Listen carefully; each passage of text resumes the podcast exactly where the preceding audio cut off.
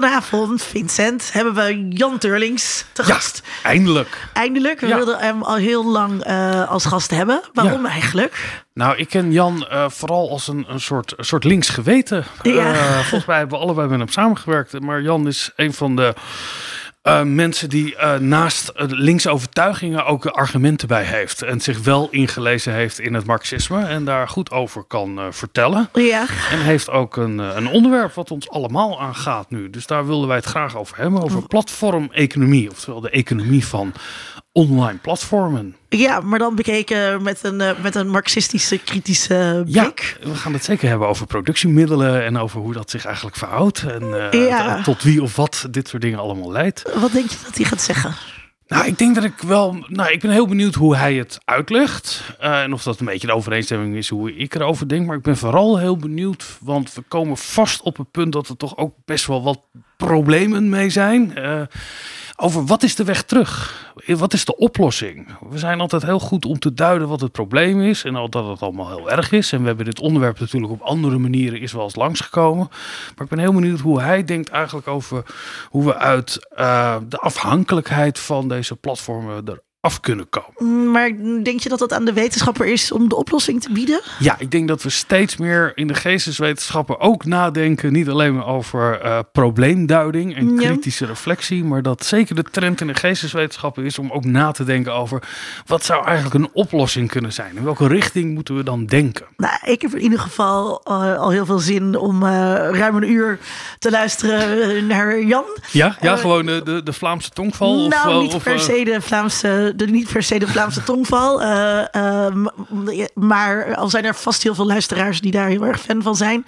Ehm, nee, maar eh, zijn analyses zijn altijd, eh, zijn altijd boeiend. Zeker. En ehm, eh, ik ken zijn werk over, over platform nog niet zo goed.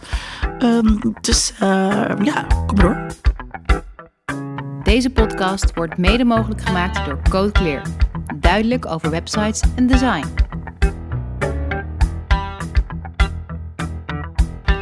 Vanuit Amsterdam is dit Onder Media Doctoren, de podcast waarin communicatiewetenschappers zich verwonderen over de media. Dr. Jan Turlings. Je, je bent lecturer, Jan, bij de UvA. eh, bij mediastudies, zoals wij eh, ook allemaal ooit gewerkt hebben. Of nu ook nog werken, toch Linda? Ik, eh, ik werk, ik ben een vaste, Ja. vaste collega van Jan. Nou, kijk, hartstikke En mooi. jij, Vincent, jij was er aan het werken toen ik begonnen ben aan de UvA. Ja, precies. Dus het is weer een heel erg kleine kring van mensen waar wij graag uit putten. Maar het is toch de 171ste aflevering. Dus wat dat betreft hebben we een mooie brede kring van mensen. Jan, ik, ik las op jouw profielpagina, want eh, dat, dat, dat moet je altijd hebben als academicus. Waarop jij, eh, en ik heb het even vertaald, ik ben vooral geïnteresseerd in de dramatische veranderingen die plaatsvinden in de media-industrie.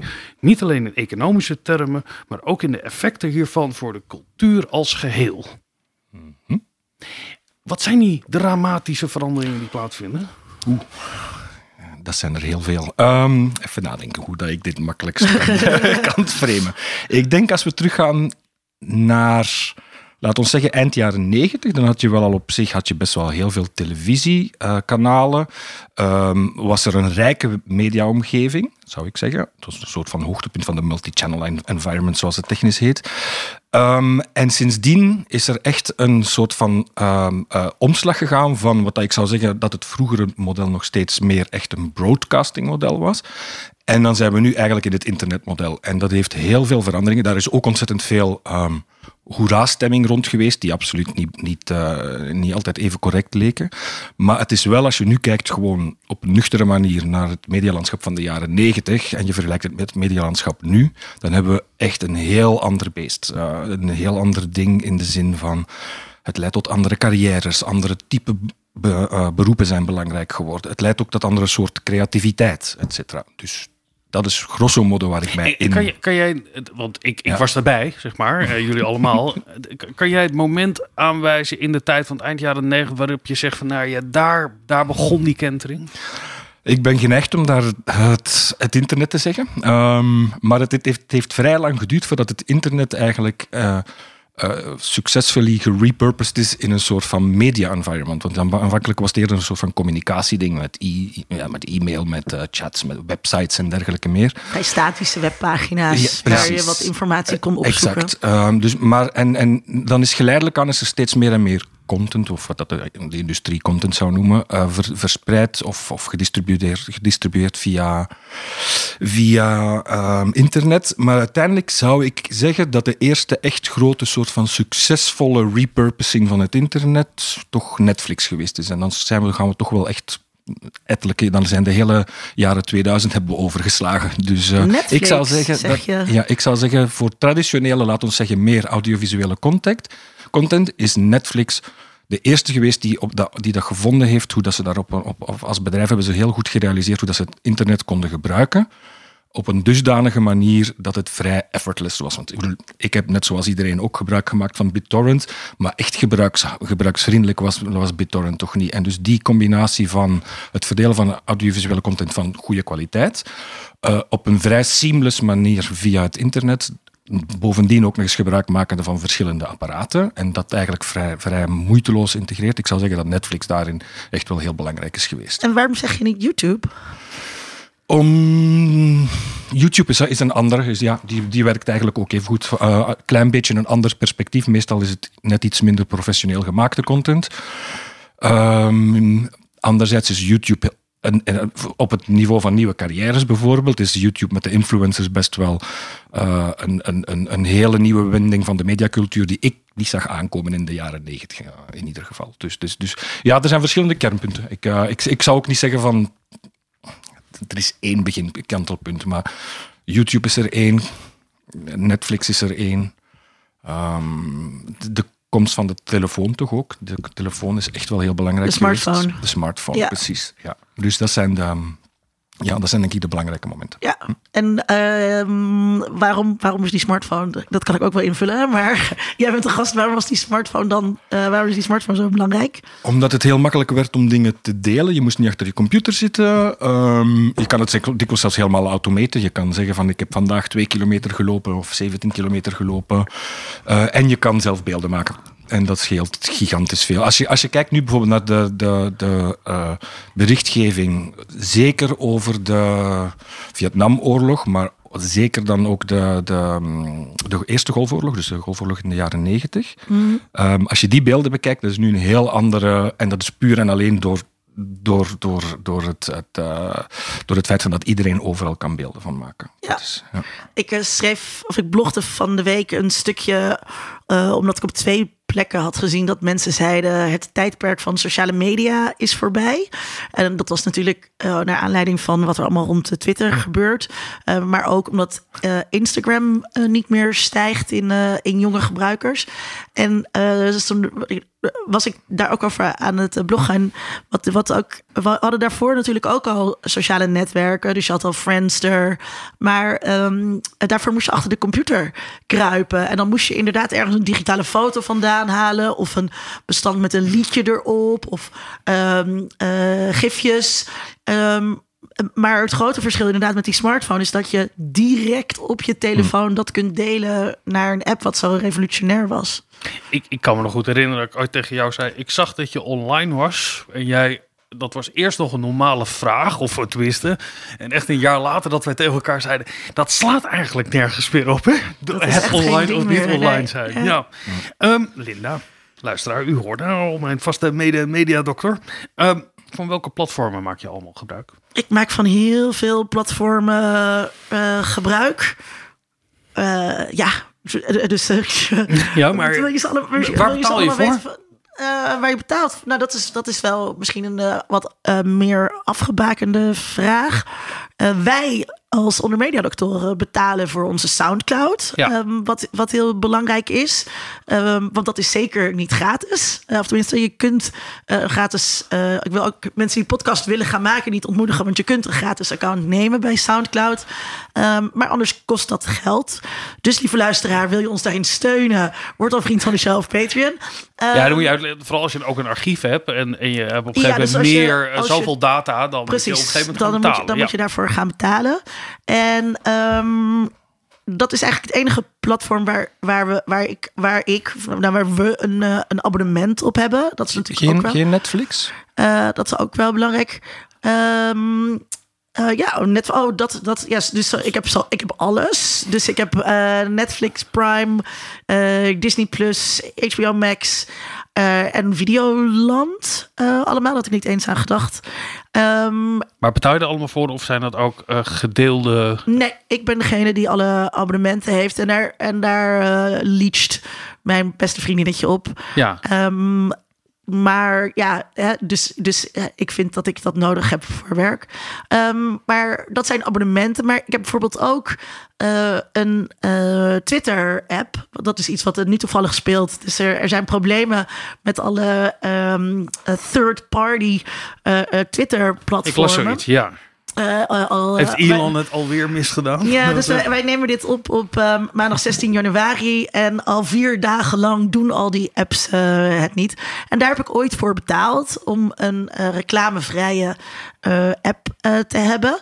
En ehm, dat, is, dat is ook wel interessant. Want ik heb dus toen, eh, ik denk dat het toen iets van 8 of 9 euro was, betaald om die app te hebben.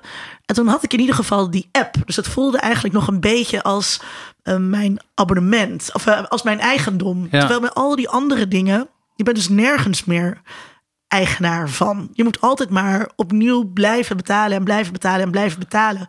Eh, en prijzen kunnen in één keer ook makkelijk omhoog gaan. Want toen jij de app kocht, was dat een eenmalig bedrag? Dat was een eenmalig bedrag, ja, wat je dan in één keer betaalt. En Jan, Jij- jij? jij? Jij, ik, oh, ik heb eh, Netflix en ik eh, heb wat gedeelde accounts van HBO Max, Prime. Eh, maar ja, maar dat zijn al... eh Fireplay, waar ik toch met veel plezier darts heb gekeken rond kerst. Ja, Eh, maar ja, dat, dat is, zit in, een beetje in de deeleconomie. Misschien gaan we daar. Het, het idee is dat dan toch. Dat, dat heb ik van anderen die op mijn telefoon dat een keer hebben. of televisie hebben Ja. ingesteld. Ik heb het dan ook alleen op één televisie zitten. En dan merk je wel hoe beperkend dat is. Dat je toch gewend bent. Ik ga nu naar bed, ik kijk daar wel verder. Dat kan dan niet met, eh met Fireplay. ja Jan, betaal jij voor platformen? Netflix, Videoland, maar de hele goede kopen die voor ehm 1 euro of, ma of 2 euro per maand. NPO Plus, Oh ja, die heb ik ook. Ja. that's it denk ik. Betalend, ja. En ik zit helemaal niet op TikTok. Dat eh, werkt niet voor mij. Nee, oh ja, dat wou ik nog zeggen. En dan zijn er natuurlijk nog allerlei platformen waar ik op zit. En daar betaal ik met mijn data. Ja, ja, maar daar gaan we zo over hebben, over alle verdienmodellen daarvan. Ehm, Jan, ehm, wat is platformeconomie? En dan wil ik het vooral met je hebben over waarin verschilt nou eigenlijk deze economie van traditionele economie? Ja. Ehm, ik denk dat er een- aantal dingen spelen. Dus ehm, wat een platform anders maakt dan bijvoorbeeld die broadcastperiode die we allemaal kennen, is dat een platform, omdat het juist de distributor is die het hele, de hele infrastructuur opzet, als het ware, twee types gebruikers kent. De gewone gebruiker, jij en ik, die, die naar dingen kijken op eh, Facebook, op eh, YouTube. Ehm, en dan de andere gebruikers zijn degene die eigenlijk belangrijker zijn voor de platformen, voor de, de platformen die met advertenties eh, aan, aangedreven worden. Eh, en dat is de, de adverteerders. En wat het nieuwe is van de platformeconomie, is precies dat je dus in één plaats een double-sided, wat in economie genoemd wordt, een double-sided market. Je brengt aan de ene kant gebruikers en content providers samen, maar je brengt ook tegelijkertijd gebruikers en adverteerders samen. En dus je hebt dan eigenlijk een dubbele market. En dat was, als je kijkt naar, en stel in de gedurende, gedurende de, de, multi-channel periode, wat dat ehm, eh, media altijd gedaan is, hebben altijd een, een double-sided market gecreëerd.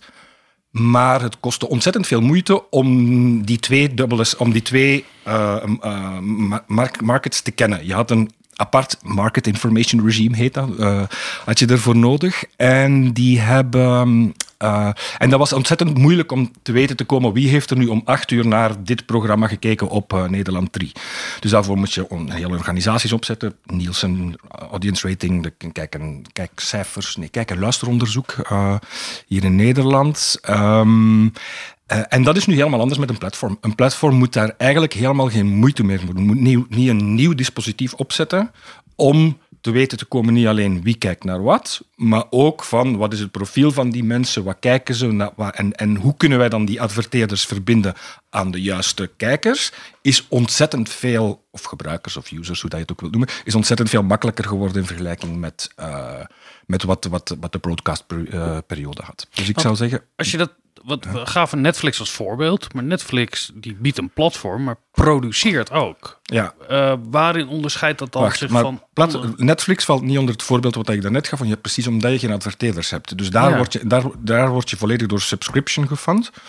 Of zij, zij, zij, zij, Vooralsnog. eh, vooralsnog, precies. Videoland bijvoorbeeld doet nu al de twee. Dus ik heb mijn, mijn Videoland-account is 2 euro per maand of 1 euro per maand. En dan krijg je er wel nog advertenties tussen, tussen voorgeschoteld. Eh, dus in die zin is het ook best wel interessant om te kijken van op dit ogenblik is er heel veel aan het shiften, denk ik, in, in, in die wereld van video gedistribueerd door platforms. Ehm, is er heel veel aan het, aan het, aan het, aan het shiften in ter- termen van de modellen. Wat ik je daarnet beschreven heb, is echt voornamelijk echt het advertentiemodel. Het subscriptiemodel krijgt dan weer een hele andere, een hele andere invulling en een hele andere economische dynamiek. Met allerlei tussenvormen ook die, Ja. die er gaan ontstaan. Ja, ja precies. Ja. Maar waarin onder, ik, ik, ik mag eh, hier graag een van mijn jeugdbaantjes eh, benoemen. Ik werkte ooit bij Via Via, dat was een krantje en daar kon je gratis in adverteren. En het werd verkocht, dat krantje. En er waren adverteerders, eh, commerciële adverteerders, die zakelijke adverteerders, die moesten daar wel voor betalen. En volgens mij, als je adverteerde in de Via Via, deed je dat niet met je eigen telefoonnummer. Maar was er niet ook nog op een gegeven moment dat mensen dan naar een betaald Dat nummer hebben- belden? dat hebben ze even geprobeerd. Volgens mij was en dat dat ook- nummer was dan heel duur. Ja, het was, ja, dat is een Of tijdje geprobeerd. nou en Ja. tegelijkertijd het einde ook van eh, dat hele tijdschrift. Samen met natuurlijk. Maar het, het idee dat er een soort marktplaats is. Waarin jij, ook als je hier naar letterlijk een markt gaat. Dan moet je ook een kraam huren. Daar komen dan mensen naartoe. Dan is een organisator die, die adverteert dan. Kom bij ons. Waarin zit dan. Is dat model van een marktplein waar mensen ze samenkomen. Wezenlijk anders dan wat er nu op een digitale manier gebeurt. De double-sided market is anders omdat de, eh, de eigenaar van het platform daar onmiddellijk alles kan meten. Weet je, hij kan lezen of kan meten de comments dat een bepaalde post geraakt, maar dat kan ook dan tegelijkertijd diezelfde daad van het meten kan ook gebruikt worden om iemand aan een adverteerder te linken. En dat is in andere omstandigheden veel moeilijker. Ja, want als je een winkelcentrum hebt wat jij beheert, dan kan je niet Niet, dat, weet ik, dat weet ik niet wie dat, wie dat er binnenkomt. Dan heb je niet een real-time bezoekersaantallen. Nee, je nee. weet niet precies eh, of die mensen eh, vooral tussen 9 en 10 uur s ochtends Ik komen. weet, ook, ik weet ook niet of dat ze er al drie dagen geleden geweest zijn, dat het dezelfde mensen zijn of niet. Dus weet je, Ja. er, er is heel veel kennis die mogelijk wordt. En kennis die dikwijls geapprecieerd wordt door adverteerders. Ehm, die, die, die, eh, die je gewoon effortless krijgt met het hele platform, platformding. En die, die, die, die, die datagedreven, eh, want hoe wordt daar dan op ingespeeld in, want de adverteerders hebben we natuurlijk. Eh, jij komt ook uit de televisiewetenschap. Hoe zit het dan met eigenlijk de content zelf? Wat is de vraag? Hoe de content Wordt, zelf... wordt die content ook... Netflix weet niet alleen hoe wij kijken, maar YouTube ook. Ja. Maar ze zien ook welke content populair is en bij welke Ja. groepen. Dus los van de advertenties, wat gebeurt er eigenlijk met de content zelf? Je hebt daar twee dingen, denk ik. Is van twee grote strategieën die, ehm, die platforms hanteren. Is A, eh, het, reguleren van de distributie. Dus zorgen dat iets meer in het zicht komt of juist minder. Eh, dat de eerste populaire dingen op de eerste plaats staan, et cetera. Dus dat is het, het, het, reguleren van de, van de verspreiding, zou ik zeggen. Dat is een eerste een eerste eh, element. En een tweede element is dat die data, en ik weet niet of dat je al ooit eens gekeken hebt naar bijvoorbeeld YouTube, iedereen die een YouTube-account heeft, je kan daar, ehm, als je naar gaat kijken naar YouTube Studio, dan zie je wat dat iemand die dingen uploadt, welke metrics dat hij teruggevoerd krijgt. En dus je ziet dat die metrics heel hard gericht zijn eigenlijk op de belangen van YouTube. Ik heb specifiek voor een paper heb ik gekeken naar, eh, naar ehm, eh, YouTube, dus de, de, de, de user widget. Soundcloud heeft ook zo'n user widget waarbij je kan zien wie dat je kijkt. En wat dat daarbij heel hard opvalt, is dat je unlike de audience ratings van, van, de, jaren, van de jaren 90, krijg je nu heel hard uh, veel minder sociodemografische gegevens. Wel iets, maar niet heel gedetailleerd. Uh, leeftijd, uh, geslacht, leeftijd, geslacht, geografische locatie en dat zit. Maar zelfs bijvoorbeeld klasse of inkomen, daar krijg je die informatie krijg je niet. Maar je krijgt wel heel veel informatie. Ik noem het behavioristische informatie. Mensen hebben tot op dit punt van je filmpje gekeken en daar zijn dan 80% is dan, dan afgehaakt. Je kan dit misschien gebruiken om je filmpjes net iets beter. Dus in die zin, en daar ben ik, daar ben ik nu eigenlijk mee met een onderzoek aan het opzetten. Wat ik nu heel hard in geïnteresseerd ben, is in de, uh, de effecten die dit soort van audience metrics hebben uh, op het soort van culturele productie die gemaakt wordt. Je hebt bijvoorbeeld ook zoiets van uh, adjacent audiences, dus ook, wordt je ook meegedeeld door, door, door YouTube. En adjacent audiences zijn mensen die naar gelijkaardige video's gekeken hebben, of zijn users die naar gelijk, gelijkaardige video's gekeken hebben, um, en dan wordt je aangeraden van bijvoorbeeld ook zo'n video te maken. Dus je ziet dat ja. imitatie als het ware ingebakken zit in die audience metrics die terugge teruggevoerd worden aan aan uh, teruggevoerd worden naar de, naar de makers. Dat is wel, dat is wel echt een heel interessant punt dat je maakt. Spotify voor podcasters bijvoorbeeld uh, heeft net, uh, vorig jaar was het eerste jaar dat ze hier um, ook wat algemene, dat is een soort algemeen onderzoeksverslagje zeg maar uitbrachten over hoe zit het per genre, wat zijn luistertijden. En dat is allemaal inderdaad eigenlijk bijna allemaal op gedrag en niet meer op, ja, op het demografie. Compleet, het is compleet behavioristisch. En als ik daar ook zelf naar kijk, dan denk ik, ik heb hier helemaal niets aan om te weten waar, wie mijn luisteraars zijn. Ik weet alleen maar waar ze vooral wonen. Maar is dat ja. uit uh, omdat ze geen andere data hebben? Ze kennen mijn inkomen niet? Of is het een de, betere voorspeller voor ons media. Natuurlijk kennen ze jou. Daar dat, is is, dat moet je niet vergeten. Ja, ze hebben een ja, veel nee. groter profiel van jou dan ja. jij denkt. Google die weten echt wel wat jouw leeftijd en jouw inkomen is. Ja, dat denk ik ook wel. Want je maar het, het, het, door middel en, van deductie. Het is niet dat ik van tevoren iets moest invullen uh, van wie ik ben en dan wordt daar aan gekoppeld. Maar, niet deductie. Maar, ja, de, je moet dat niet deductie noemen. Op het moment van al mijn data dat. Ja, maar deductie klinkt een beetje alsof ze het logisch bij elkaar geredeneerd ja. hebben. Dat klinkt veel te aardig. Je, zit, je bedoelt dat er een kwaadaardige profielen uit het systeem oppoppen Nee, Omdat... het is de, de, de manier waarop zij jouw data gebruiken om dingen over jou te weten te komen zonder dat jij dat ooit hebt opgegeven. Die manier vind ik kwaadaardig. Oh ja, dat mag jij vinden natuurlijk. Nee, en, en, en straks, straks, gaan we alle kritische dingen doen. Maar, mag ik even, ik even hier, hier, hier even op terugkomen, omdat ik anders ga vergeten. Um, de makers krijgen andere data doorgespeeld dan de adverteerders. Dus uh, collega's van mij, Fernando van der Vlist en uh, Anna Helmond, hebben daar interessant onderzoek naar gedaan. En je hebt dus een hele... Aan de Universiteit van... Utrecht, ja. Ja, precies. precies. Um, we hebben daar interessant onderzoek naar gedaan. Um, en dat gaat precies over die soort van die databrokers en de, uh, on, de real-time advertentiebedrijven. Die krijgen allemaal, dus als je een grote institutionele speler bent, dan krijg je wel veel meer gedetailleerde ja. informatie. Jij als kleine maker, jij krijgt enkel en alleen, laten we zeggen, de, de data die je nodig hebt om, uh, om je publiek te maximaliseren. Want om, daarin zijn ze geïnteresseerd. Om content te maken ja, die voor je publiek ja. zo interessant mogelijk is. Zodat, je, dat, zodat jij het werk ook doet voor het platform. Precies. Ja. Straks gaan we uitgebreid over de kwalijke kanten ervan hebben. Maar als je nu kijkt naar dat, wat jij behavioristische informatie noemt. Als je op basis van dat soort data creativiteit. Uh, weet je wel, je gaat nadenken over wat je maakt. Maakt dat dan ook voor dat we andere soorten uh, content krijgen, omdat we het op behavioristische informatie doen en niet op die doelgroep informatie die we vroeger eigenlijk gebruikten? Ik denk niet dat het per se negatief is, denk ik. Um, wat ik wel denk wat je gaat creëren, je ziet dat bijvoorbeeld in muziek, en, en, en daar zie je dat heel duidelijk. Um, is dat bij populaire muziek dat je nu heel hard hook-based muziek krijgt. En je moet, je moet zorgen dat je in de eerste 30 seconden een goed begin hebt. Dan vervolgens dat, uh, dat je een thema ontwikkelt. En dan na 30 seconden moet er al het, het, het eerste refrein komen. Dus in die zin is dit slecht?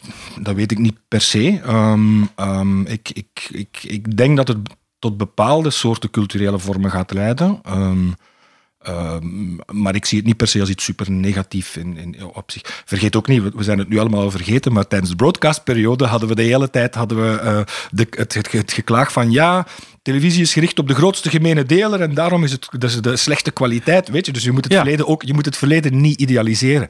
Wat dat wel zo is, is dat elk economisch systeem tot andere soorten content gaat leiden. Maar hebben Maar we ik, wil, ik wil daar Ja, wel wat over Ja. zeggen. ehm, want we hebben het hier ook in eh, onze vorige aflevering eh, even volgens mij over... Over eh, influencers. Ehm, nee, over waarin we terug, terugkijken op tien jaar onder Oh ja. mediadoktoren. Dat wat je ehm, nu bijvoorbeeld bij de, de podcast was een helemaal vrije vorm. Het bestond niet als, als medium. En toen eh, zijn makers eigenlijk zelf uit gaan vogelen. Wat, wat, wat, wat, wat, wat zou de lengte moeten zijn? Hoe moet zo'n format in elkaar zitten? Hè? Wat, wat, wat, is, wat is de logica? Wat zijn de wetten van de podcast, zeg maar? En eh, daar zie je dus nu ook een soort van inzichten uit vooruit, eh, eh, naar, uit, naar voren komen. En dat leidt er wel degelijk toe bij een grootste podcastuitgever als Podimo. Dat zij tegen nieuwe podcasts zeggen: jullie mogen maar maximaal zo lang zijn. Het mag maar maximaal eh, 50 minuten duren. Nou ja, onze podcast is, is altijd langer dan dat. Dus Ehm, het, werkt, het werkt wel degelijk beperkend. Eh, in de ruimte ook die makers eh, krijgen. Er zit ook wel een soort eh, iets, iets. Het is geen dwang, maar het dwingt wel iets af. om het op deze manier zo in te steken. Waarbij je dus wel ook weer naar een soort van groot, grote gemene delen gaat.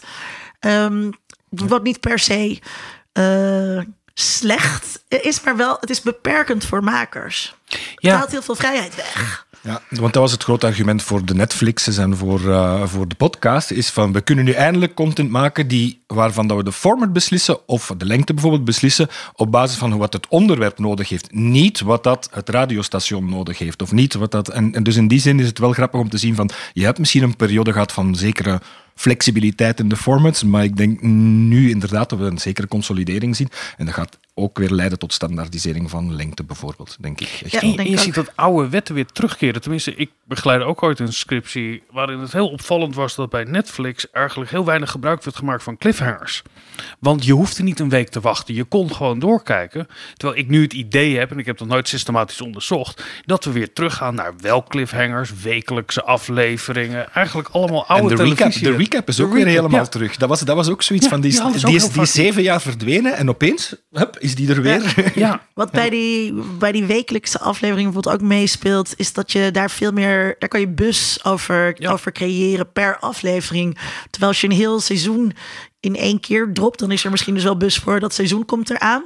Maar je wil natuurlijk eigenlijk gewoon dat eh, mensen eh, de hele week praten over. Dat zag je bijvoorbeeld bij de White Ja, Lotus. maar het, was, het was de belofte die ons werd gedaan. Weet je wel, straks heb je dat niet meer. Je kan alles op elk moment, om Ja. kan je dat bekijken op jouw manier.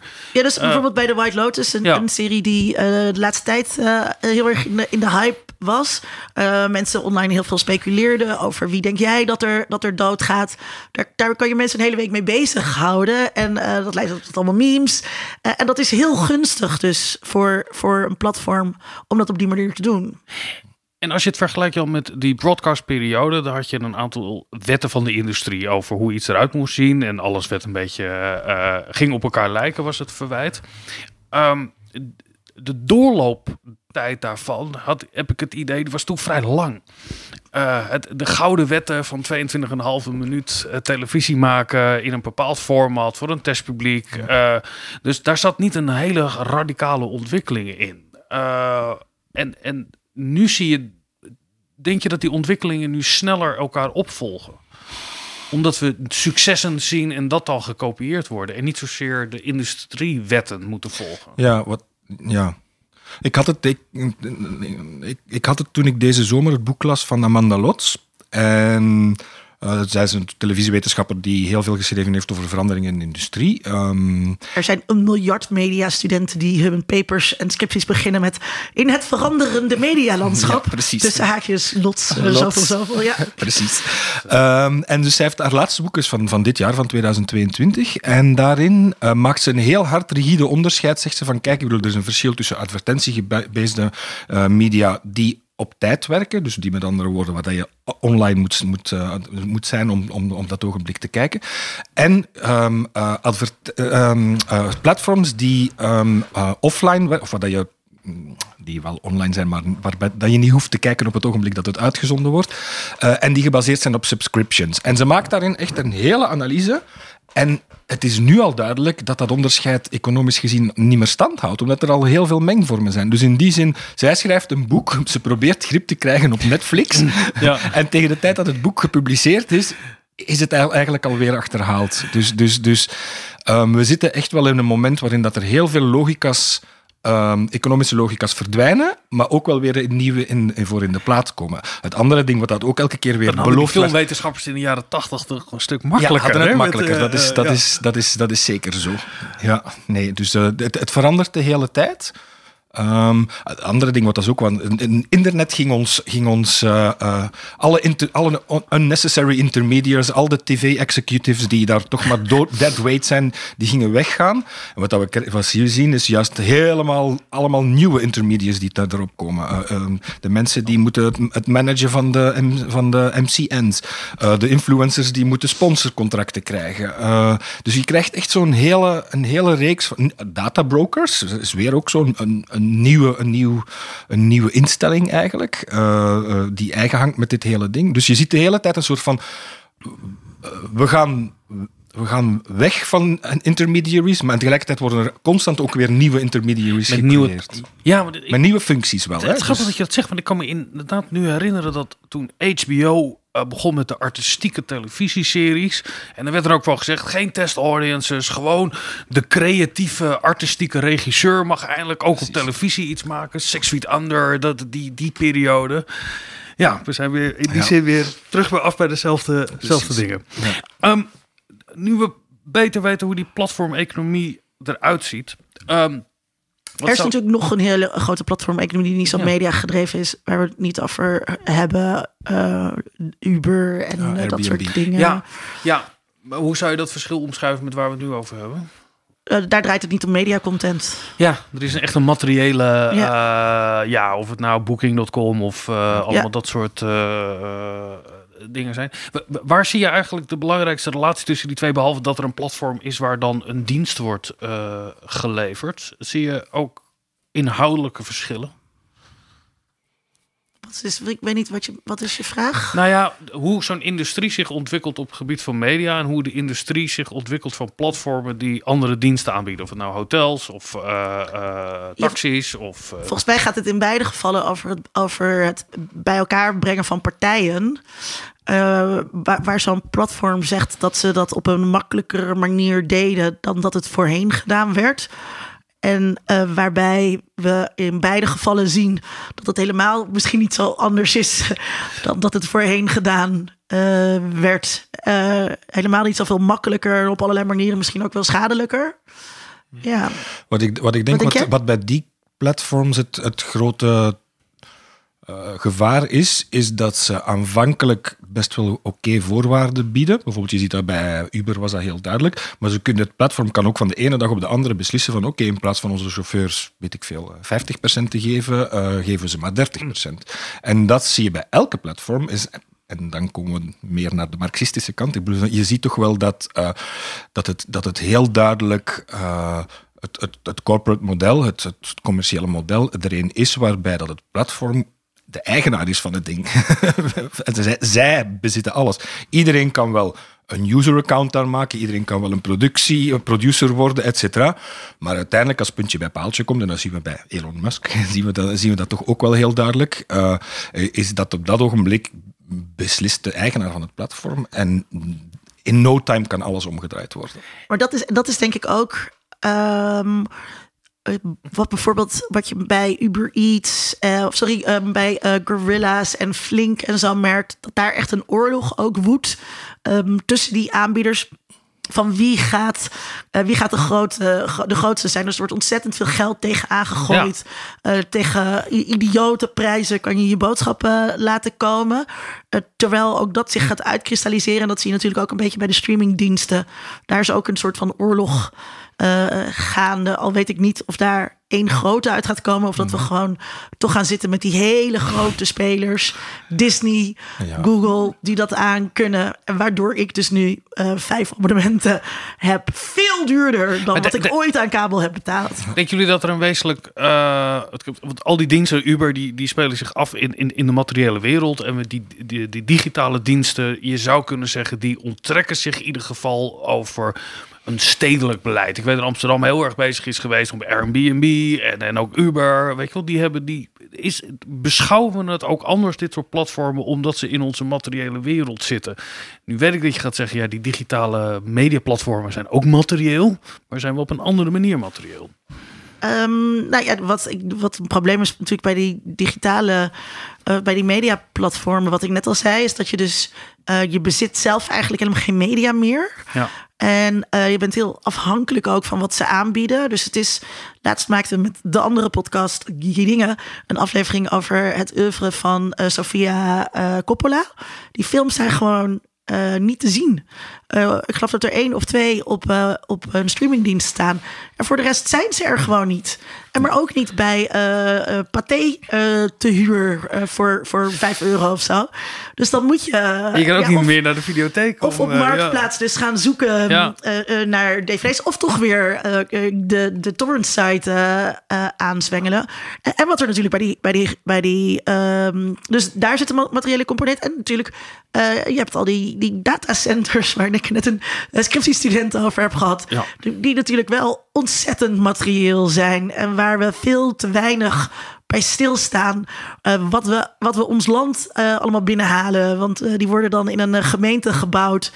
waar de gemeenteraad niet zoveel. die denkt: wauw, ik mag met Google aan tafel. of met Microsoft. Ja.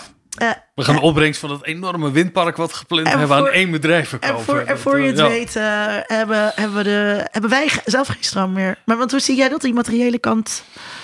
Ehm, ik denk dat er twee dingen voor, voor dit soort de Ubers en de Airbnb's twee dingen gelden. Is van een van de grote problemen was dat ze zich vestigden in een sector die al bestond, de hotelsector en de taxisector. En dat je ziet dat ze daar voornamelijk toch wel echt deregu- deregulerend werken. Ik bedoel, het was heel duidelijk eh, een poging om elke vorm van regulering van de staat eh, te ontwijken. En het is maar met horten en stoten, zou ik zeggen, dat, eh, dat de Nederlandse staat en Amsterdam bijvoorbeeld dan is beginnen ingrijpen. Dat heeft, eh, dat heeft verschillende jaren geduurd voordat er enige vorm van regulering eh, plaatsgevonden heeft. Dus dat is een, dat is een eerste materieel aspect ervan. Ehm, het tweede materieel aspect is inderdaad van het, het, lijkt allemaal zo, heel ons idee van eh, online is dat het immaterieel is.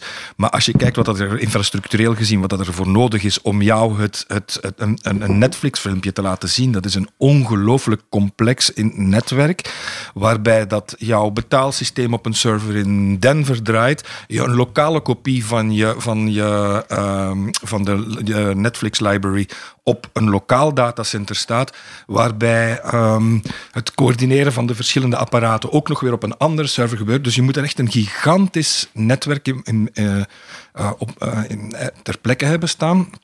Ehm, of, of lokaal altijd hebben, ehm, dat gelinkt is aan het globale netwerk. En dat, dat vereist gigantisch veel energie. Ik bedoel, de kosten, de energieconsumptie van, van, van ons hele online eh, Netflix kijken is, is, is, is gigantisch Waarom groot. hoor je daar bijna nooit iemand over? Er is, hè, dus je hebt de vliegschaamte eh, en, en dat soort dingen. Maar je hoort eigenlijk nooit de dataschaamte.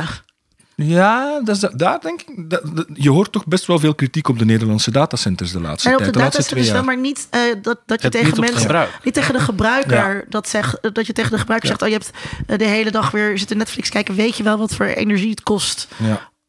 Maar daar denk ik van dat het een kwestie is van dat er wat meer studies zouden moeten gebeuren die, ehm, die dat dan echt wel duidelijk maken wat dat een uur Netflix aan, aan, aan, aan, data, aan ehm, energieconsumptie doet. Ja, Ja, we hebben hier met Judith Kelbach over gehad, over Green Media Studies. Ook hoe slim Netflix is met het decomprimeren van data, maar hoe ontzettend veel energie dat extra kost.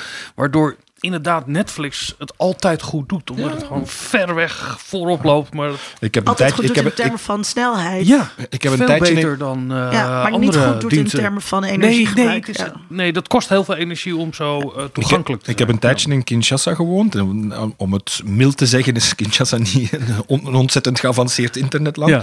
En Netflix was ongeveer de enige service die daar vlot draaide. Ja, dat Ja. is... Dus en ik, weet, ik, weet niet hoe, ik weet niet hoe het, hoe het precies werkte, maar het, het, het, het, het werkte, het, het, het, het draaide op een, op een aanvaardbaar niveau. Ietsje meer pixels dan hier, maar het was, het was doenbaar. En daar, terwijl andere services helemaal niet werken. Dus, dus, eh, dus ja, dat, die grote spelers zetten echt wel een, een structuur op die ontzettend resilient is. En dat zijn dan de Netflixen, de Facebooks, de, dat zijn de, de, de, de echt hele grote spelers.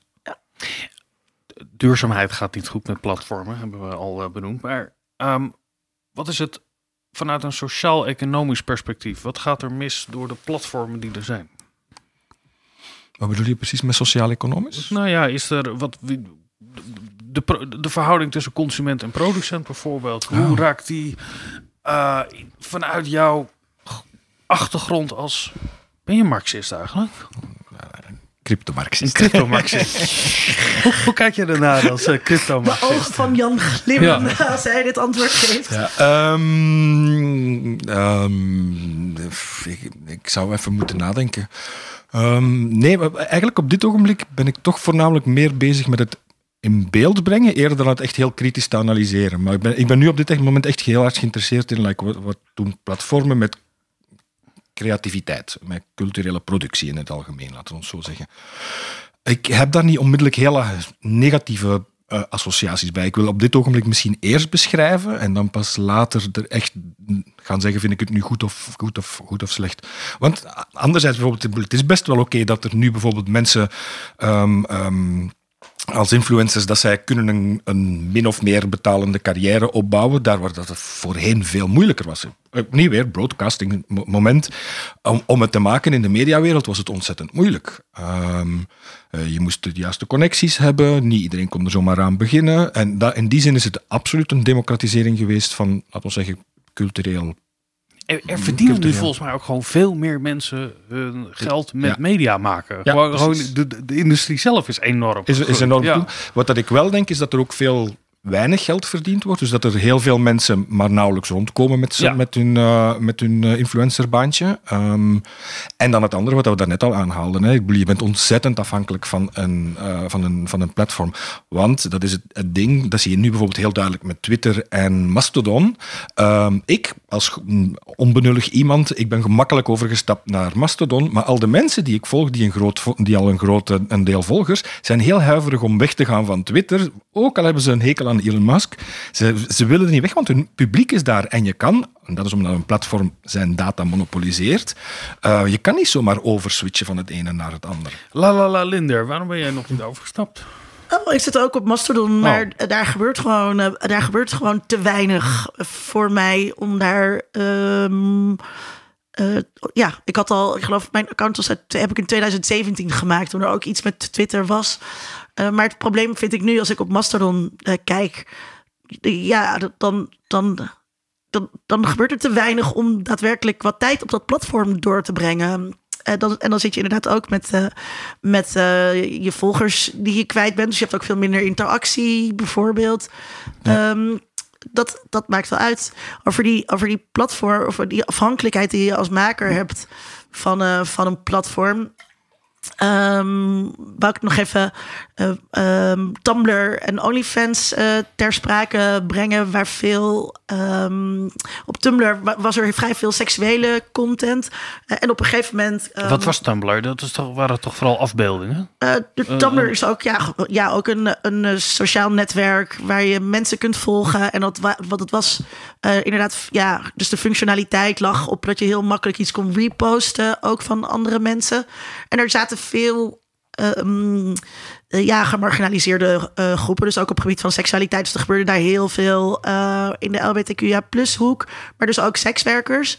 Eh, en eh, dat, dat kon allemaal niet meer vanwege nieuwe Amerikaanse wetten eh, tegen seksualiteit.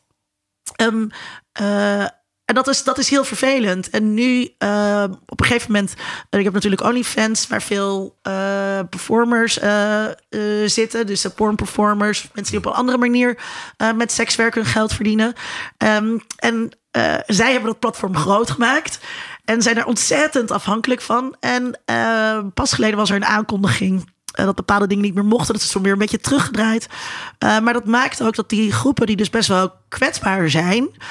Um, uh, er ook als eerste aangaan als zo'n als zo'n platform meer richting, uh, richting de mainstream gaat. Dus dat is nog wel een soort van dubbel, dubbele uitbuiting die daar, die daar plaatsvindt. En in die zin is Mastodon, vind ik echt heel interessant. Ik, bedoel, ik zie ook wel dat het niet zo makkelijk heel groot populair gaat worden, maar het hele eigenaars, de hele eigenaarsvraag is best wel interessant, omdat niemand het echt controleert. Ja. Dus omdat je die federatie hebt van verschillende servers... Um, en, en, het, en het afhangt van welke server met welke wilt, wilt uh, ja, een verband aangaan. Uh, zie je dat niemand het echt controleert. Dus, dus daar zou het niet mogelijk zijn Nee, het, het, kan wel gebeuren in sommige gevallen, maar dan moet het echt wel een hele grote uh, eensgezindheid zijn. Uh, maar het is heel moeilijk om, om, om, om een bepaalde server of een bepaalde gebruik, gebruikersgroep helemaal uit te sluiten. Ja, misschien moet je dat even, moet je dat even uitleggen. Dus um, op Twitter zit iedereen op Twitter. Uh, en op Mastodon zit iedereen op een aparte server. Dus dat zit ook in je naam. Dus ik zit op Mastodon Cloud. maar je hebt ook een Mastodon Nederland. je hebt een Mastodon Social. Um, je moet eigenlijk ook wel een beetje weten waar iemand zit. Anders is het ook lastig om iemand te vinden. En het kan dus wel zijn dat die cloud server uh, ermee ophoudt. Of dat iemand daar geen zin meer in heeft. Maar dan kan ik vrij makkelijk switchen naar een andere server. Ja, precies. Maar er is heel veel kritiek op Twitter ook gekomen. Of op platformen uh, sowieso. Dat daar uh, nou, opruiing, haatzaaiende berichten, discriminatie, racisme. En dat daar goed op gecontroleerd moet worden. Dat zeggen we dan van Twitter. We weten nu van Twitter dat dat slechter gebeurt. Er is er ook heel veel kritiek op. Uh, de overheid, de Amerikaanse overheid bemoeit zich ermee. Aan de andere kant zeggen we dus...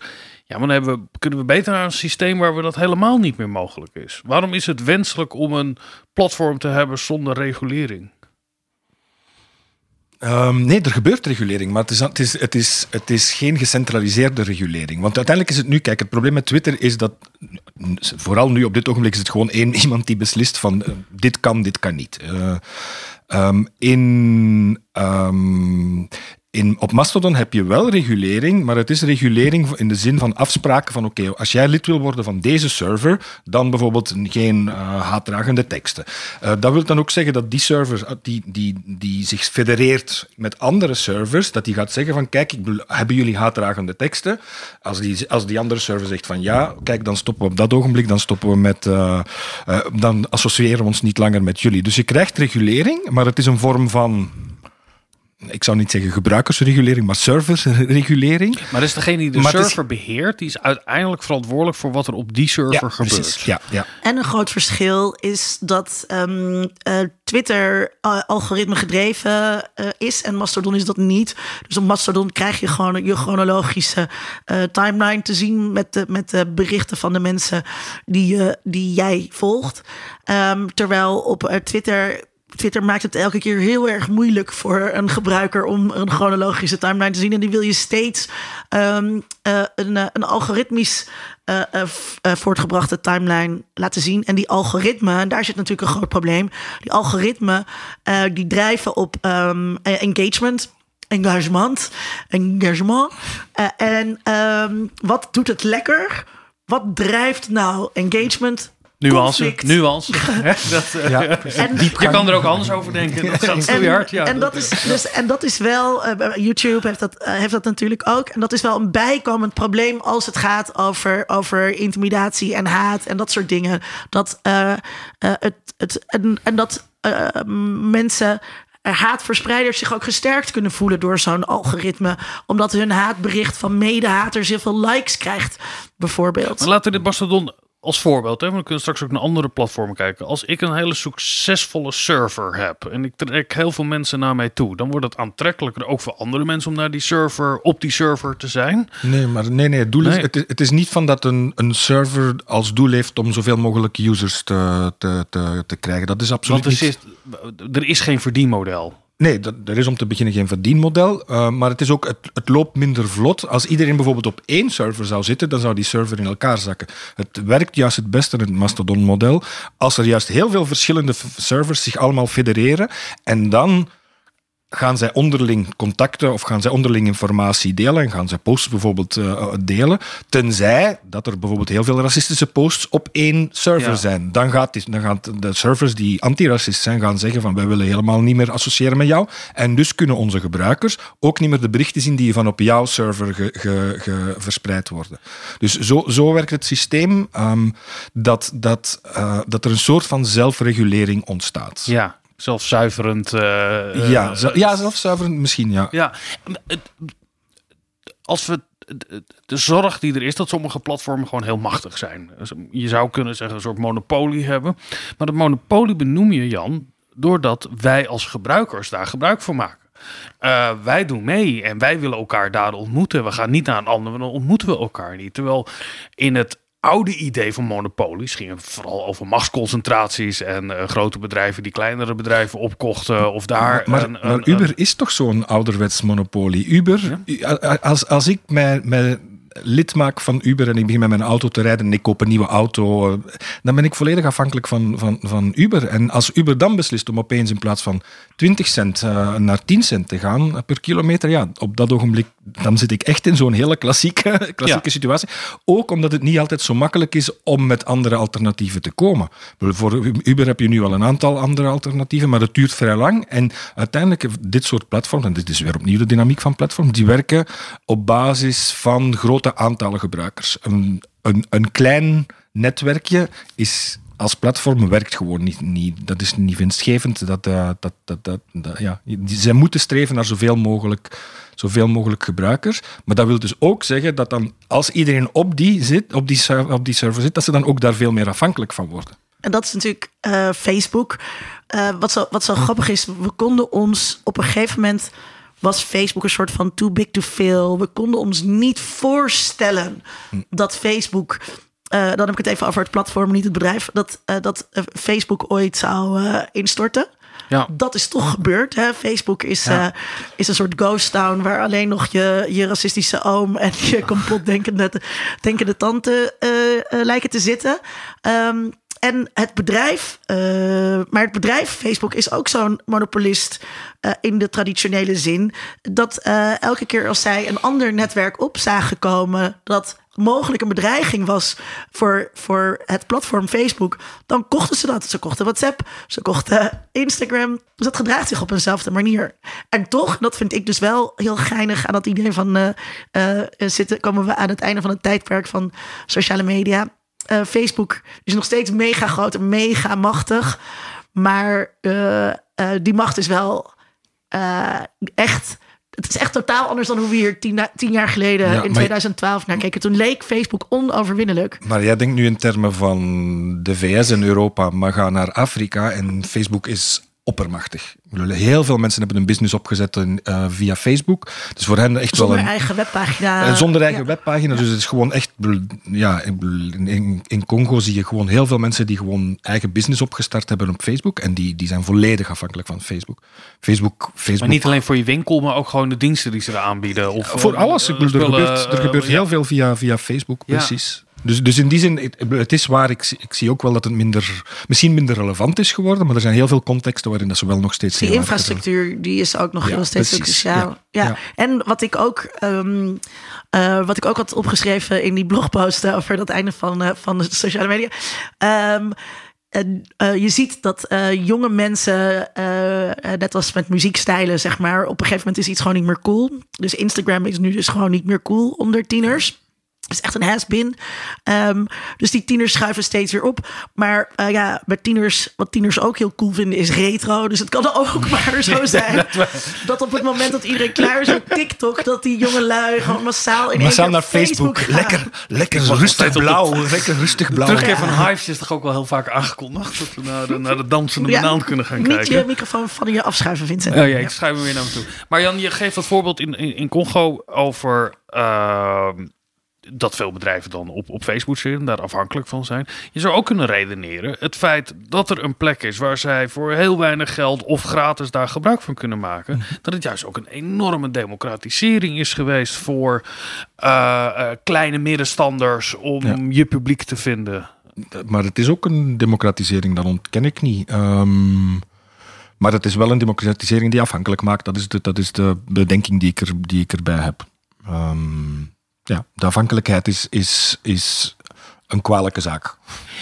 Ja, maar wat was er gebeurd als deze platformen er niet waren geweest? Hadden we dan een betere omstandigheid gehad? Als deze platformen anders tot stand waren gekomen. Bijvoorbeeld, ja.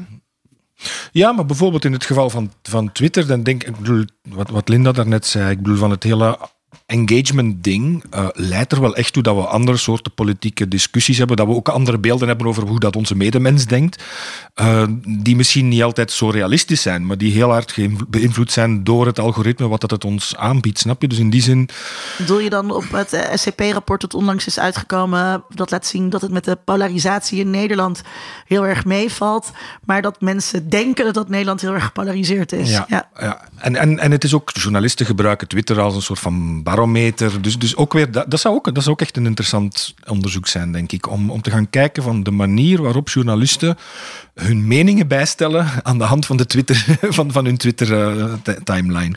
dat Nou, zou we, hebben ooit iemand gast gehad die had het over economisch nieuws, hoe dat de beurs beïnvloedt. Daar zie je een duidelijke relatie eh, tussen eh, nou, ja, hoe, hoe, hoe we de economie interpreteren. de- Zo bewegen de beurzen ook.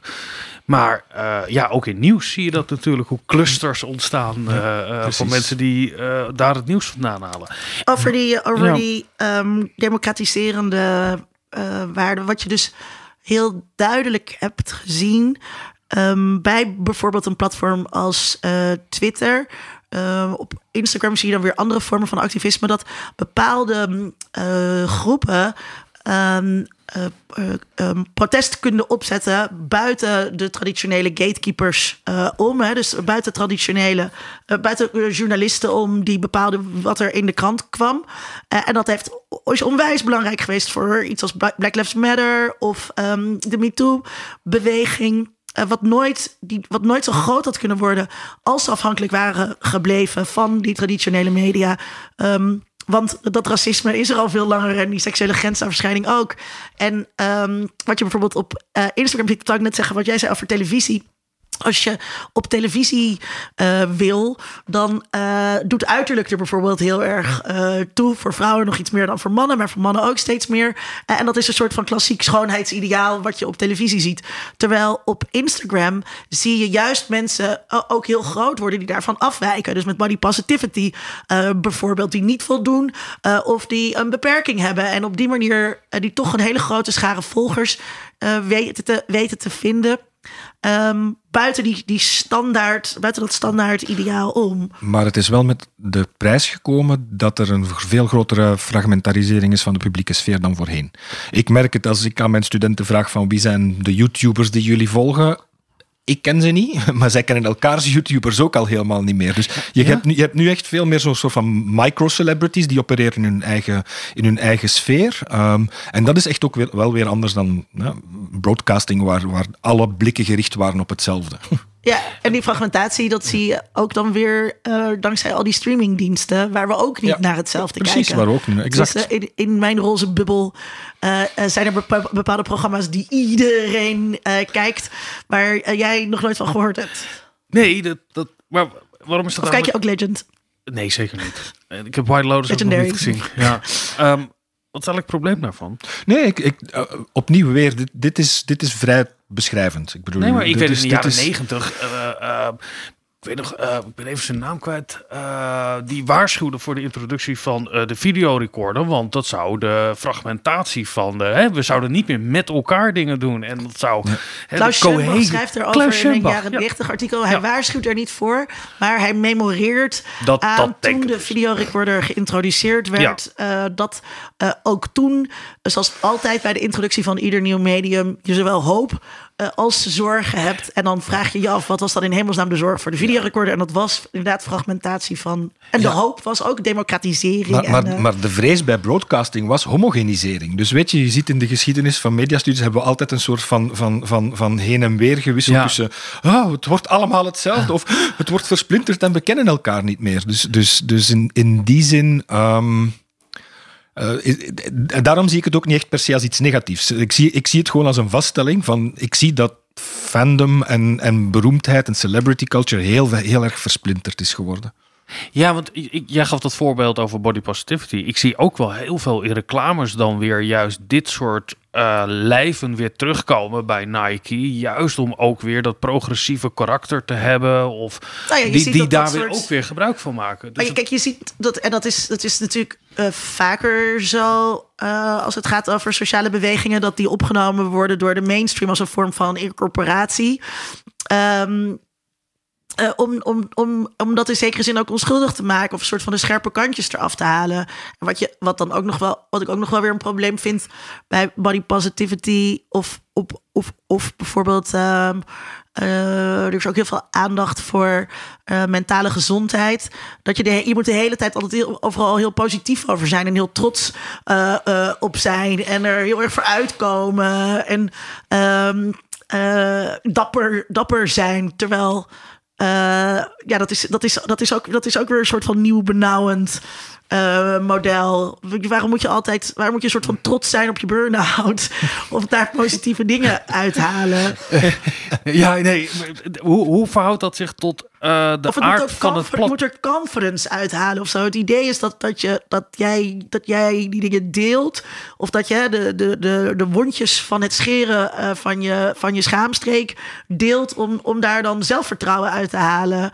Dat, dat vind ik een heel dwingend naar nieuw model. Maar hoe heeft dat te maken met de aard van een platform? Of hoe platformen functioneren? Ehm, dat heeft ook weer te maken met, met, eh, met dat je, met dat je eh, engagement Ja. wil. En, en dit soort dingen levert eh, engagement op. Dus zowel van haters als van mensen die zeggen wat dapper en wat goed van jou. Ja, want het, Dat leidt tot comments. Ja, het leidt veel meer tot comments. Eh, kijk, als ik. Want de toon is altijd, eigenlijk mag dit niet verteld worden, maar ik vertel het nu wel en ik haal daar kracht uit. Ja, dus als Er- ik in er mijn moet stories- altijd dat benoemd worden dat het iets doorbreekt. Ja, dus als ik in mijn stories zet... eh, ik heb vandaag heel lekker gegeten bij dit restaurant... waar het zo'n beetje mijn hele Instagram is. Ehm, ja, dan krijg ik dan wel eens een hartje op. Of mensen zeggen, goh, wat, welk restaurant was het? Terwijl, ehm, eh, ik heb geen dode vader... maar stel dat ik eh, zou zeggen... weet je wel, ik, eh, ik moest weer aan mijn dode vader denken... toen ik dit liedje luister, Ja, nee, ja. Eh, eh, dan krijg ik een enorme... dan krijg ik heel veel hartjes en gelukswensen... en eh, weet ik veel. Zelfs als ik, ja, als ik zeg dat, die, dat die dode vader een hele nare man was... of dat er misschien wel dingen zijn gebeurd... dan krijg ik nog meer hartjes en nog meer likes. Dus ook daar zit...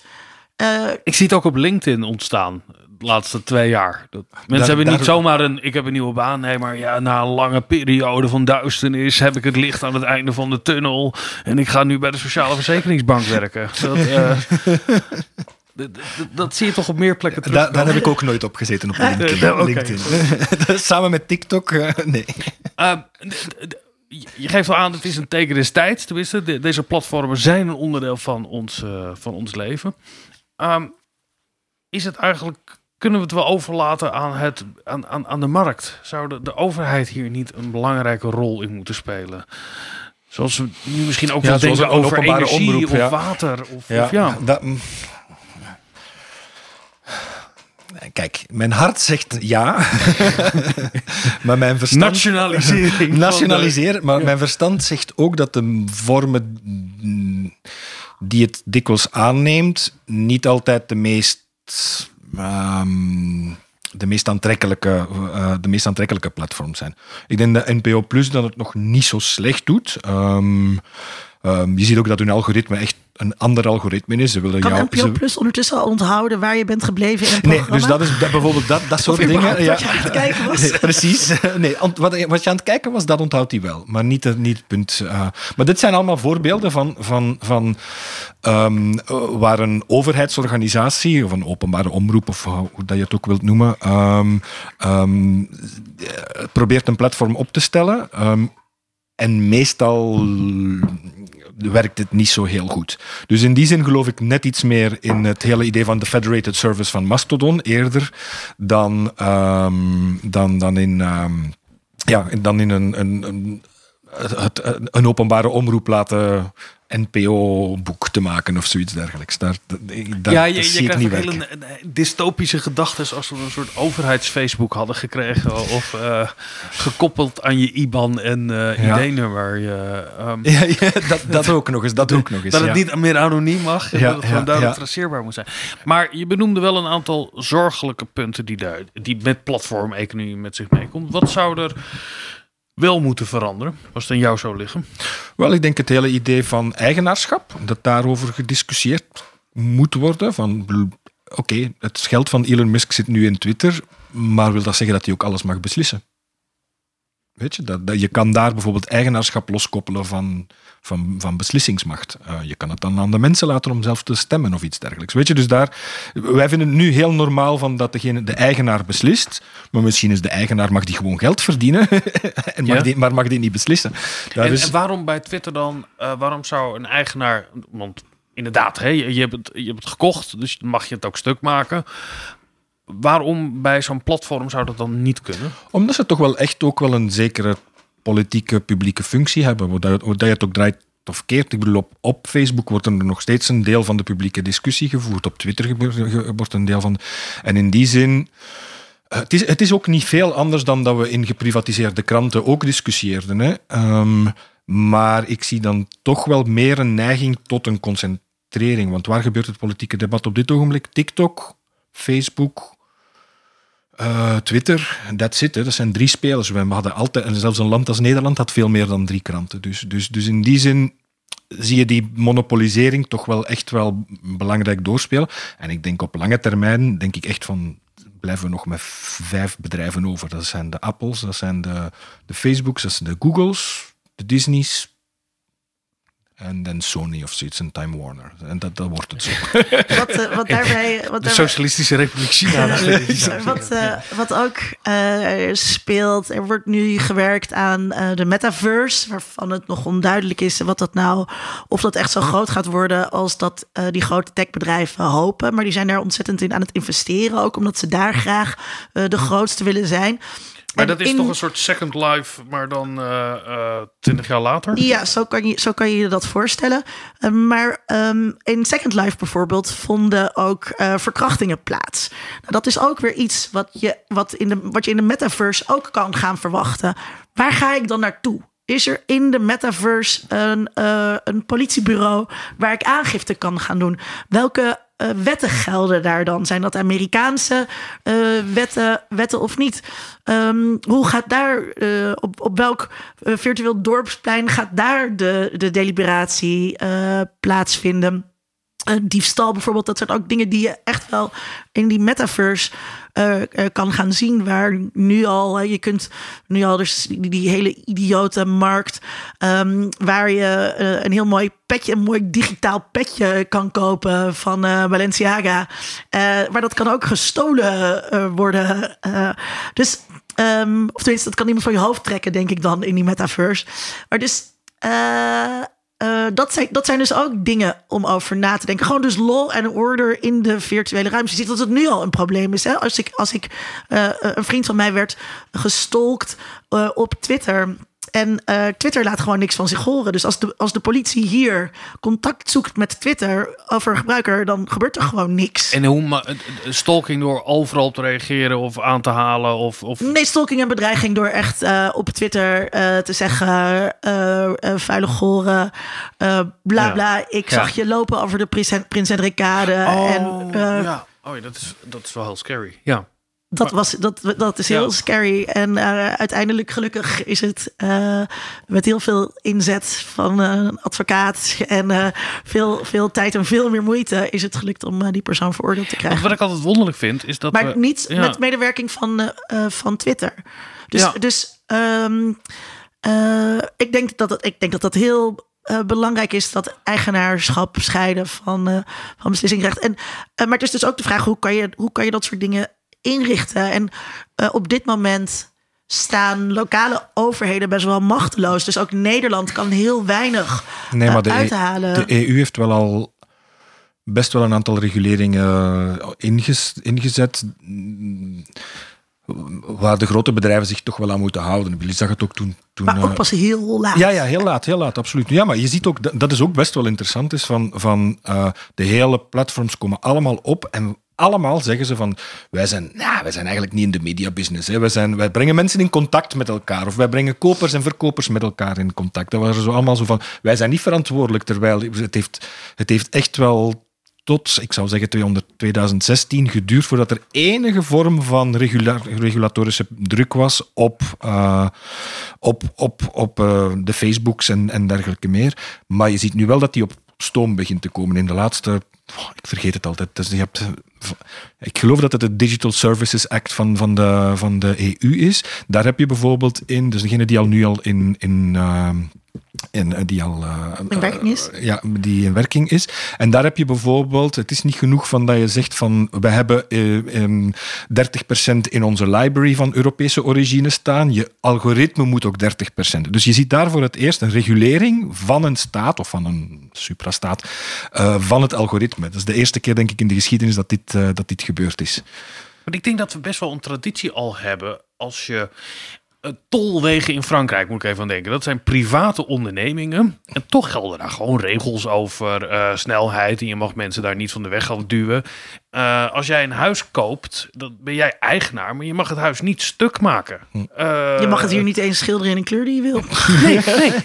nee. Nou, jij bent Deze eigenaar zijn van dit mogen huis. alleen Ja. maar wit of donkergroen zijn. Ja, en je mag er alleen maar in wonen. Eh, je mag hier niet iets anders gaan beginnen. Of je moet allemaal vergunningen. Dus het idee dat we met eigenaarschap een soort alleenrecht geeft over wat je daar doet. Daar hebben we natuurlijk al heel lang een, een, een ideeën over. Maar, maar het, erg, het erge was van de, constructies van Facebook en dergelijke, was van, het, het is niet alleen van, eh, wij zijn alleen eigenaar, maar we zijn ook helemaal niet verantwoordelijk voor wat dat iemand ook, zo, ook maar zegt of doet op mijn platform. Want ik, ik ben niet in de mediabusiness. Ja, maar Dus- ja, dat is je een, een, Ja. Als je een café begint en je laat mensen toe en daar worden mensen ook gediscrimineerd, ben je ook aansprakelijk Ja, tot, precies, op, eh, precies. eh, tot op zekere hoogte. Precies. Ehm, wat, dus er moet een overheid, er moet re- betere regulering Zou je komen. vinden dat, eh, ik moet nu denken bij dat café, dus als iemand dronken is, dan mag je als eh, barman die persoon geen eh, alcohol meer schenken.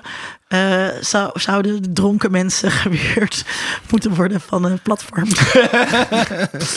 Eerst een alcoholtest en Ja, dan... eerst blazen. Nee, als, je, als je in een café misdraagt, op een gegeven moment dan word je eruit gegooid. En op een gegeven moment zegt de café, nou jij komt ook niet meer binnen. Ik vind dat een hele logische manier dat je zegt van nou, we willen het hier een fijne We omgeving willen het gezellig hebben. houden voor iedereen. Ja, en dat, ik vind dat je dat bij dit soort eh, platformen ook moet doen. Ja. Als, het, als ze dat niet zelf doen. Maar Eh, en, en ja. dus daarbij, dat kan je echt niet genoeg benadrukken. eh, in, in, dat, in dat café wil iedereen het ook gezellig hebben. Terwijl, ehm, kan je je voorstellen dat dat, dat dat café meer zou verkopen... als daar de hele tijd mensen ruzie zouden zitten maken? Want dan ga je die Ja. dronken mensen er natuurlijk helemaal niet uitschoppen. Dan ga je die, dronk, die, die wil je juist binnenkrijgen. Ja, ja, we zijn, ja, we, hebben- Ja. we zijn met z'n allen een groot café begonnen waar het, het doel is om met elkaar op de vuist te gaan. Dat- dat- Nee, waar, waar mensen, Ja. die, die, waar mensen die eh, met elkaar op de vuist gaan... eh, Meer geld binnenbrengen. meer geld binnenbrengen voor dat café. Ja, Eigenlijk beschrijf je een bokswedstrijd nu. ja. Ja, Nee, ik zit gewoon over mijn eigen. eh, ik ben niet actief op Twitter, maar ik lees wel dingen. Ik- merk ook dat het ook diep in mij zit om dingen te lezen. Eh, en dan heel gericht te denken: oh, wat stom. Eh, eh, als er een column verschijnt over nepotisme in de media.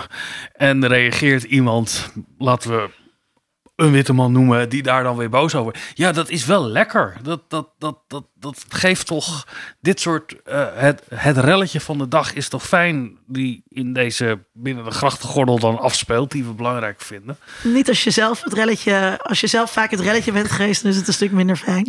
Ja, dat snap ik. Maar jij leest toch ook dingen als er een relletje is. Het verschil tussen een relletje en dat wat de normale orde doorbreekt, dus ook aandacht verdient. Eh, als een rechtse populistische politicus iets heel rechtspopulistisch tweet. Dan wil je toch ook, tenminste, dan wil ik wel zien wat er dan getweet is door diegene. Om daarna te denken: pop, pop, pop. Erg hè? Ja. Is het, voorkomen we dit eigenlijk? Ook met regulering of met eh, eh, wetgeving? Ja, een zelfs, zelfs, op, zelfs op, een, op een veel simpeler of een veel eenvoudiger niveau ehm, zie je dat bij Mastodon. Dus in Mastodon kan je, je kan niet, eh, dus je timeline is niet algoritmisch ge, ge- gecurated, dus het is echt gewoon lineair en, en tempo- temporeel ge- gebaseerd. Ehm, maar je kan ook niet quote tweeten. Dus je kan niet een tweet van iemand nemen en daar dan een sarcastisch commentaar bij zetten. dus het enige wat dat je zou kunnen ja. doen, is iemand boosten, de, de, de, de, oor- de oorspronkelijke post die te boosten, en dan daaronder, in de replies daaronder, een soort van eh, snarky commentaar te gaan geven. Kan dus je maar- niet, kan niet, heeft niet elke, hoe heet het ook weer, toet? Een toet heet het toch? Ja, een tweet heet het. Ja, tweet, ja. een tweet heet ja. een, een toet. Was er dan- Eh, kan je, heeft die geen eigen eh, URL ook? Want je kunt er toch gewoon ook naar je, linken? je kan niet, je kan, maar je kan niet quote tweeten. Dat, dus dat, dat, dat werkt echt niet. En, en dat maakt ook, en dat, is, dat, dat was een van de dingen die ik besefte toen ik Mastodon wat frequenter begon te gebruiken. De quote tweet nodigt precies uit tot het soort commentaar wat dat je, waar dat je het daar net over had. Want je kan lekker sarcastisch de, iemand afzeiken, tegelijkertijd de reach van die persoon ook, ook vergroten. Eh, en je kan je toch wel goed voelen, want je hebt toch maar eens even lekker gezegd van wat dat je erover vindt. Snap je? En, en, maar dat genereert dan inderdaad dat nog meer mensen gaan. En, en, en zo krijg je dus gewoon in het hele simpele mechanisme van een quote-tweet, zie, je- zie je dit werk, wer- werken, hoe dat dit dan het publieke debat gaat beïnvloeden. Ja, ja maar ik, ik, is er een weg terug hiervan? Behalve, eh, we gaan allemaal over op Mastodon, maar dat gaat niet gebeuren. Nee. En, en als er een weg terug is, wie is daar dan verantwoordelijk voor? Eh, Ik denk wel dat er een deel van de regulering van de staat zal, zal komen. Ehm, het heeft ook lang genoeg geduurd, denk ik. Ehm, je ziet dat er toch wel net iets meer regulatorische eh, wil is. Je ziet het ook in de Verenigde Staten, wat dat juist precies een van de plekken was waar dat er heel, heel erg wanend tegenover en- enige vorm van regulering eh, gekeken werd.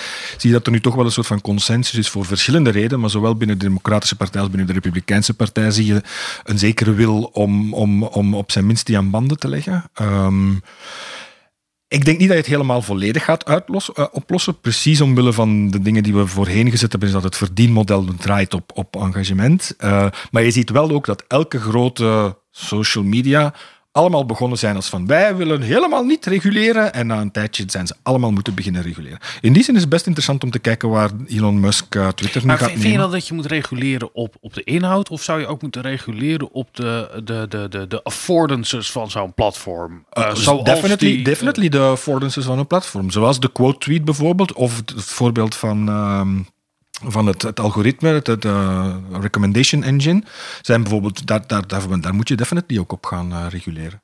Linda? ik, ik weet niet.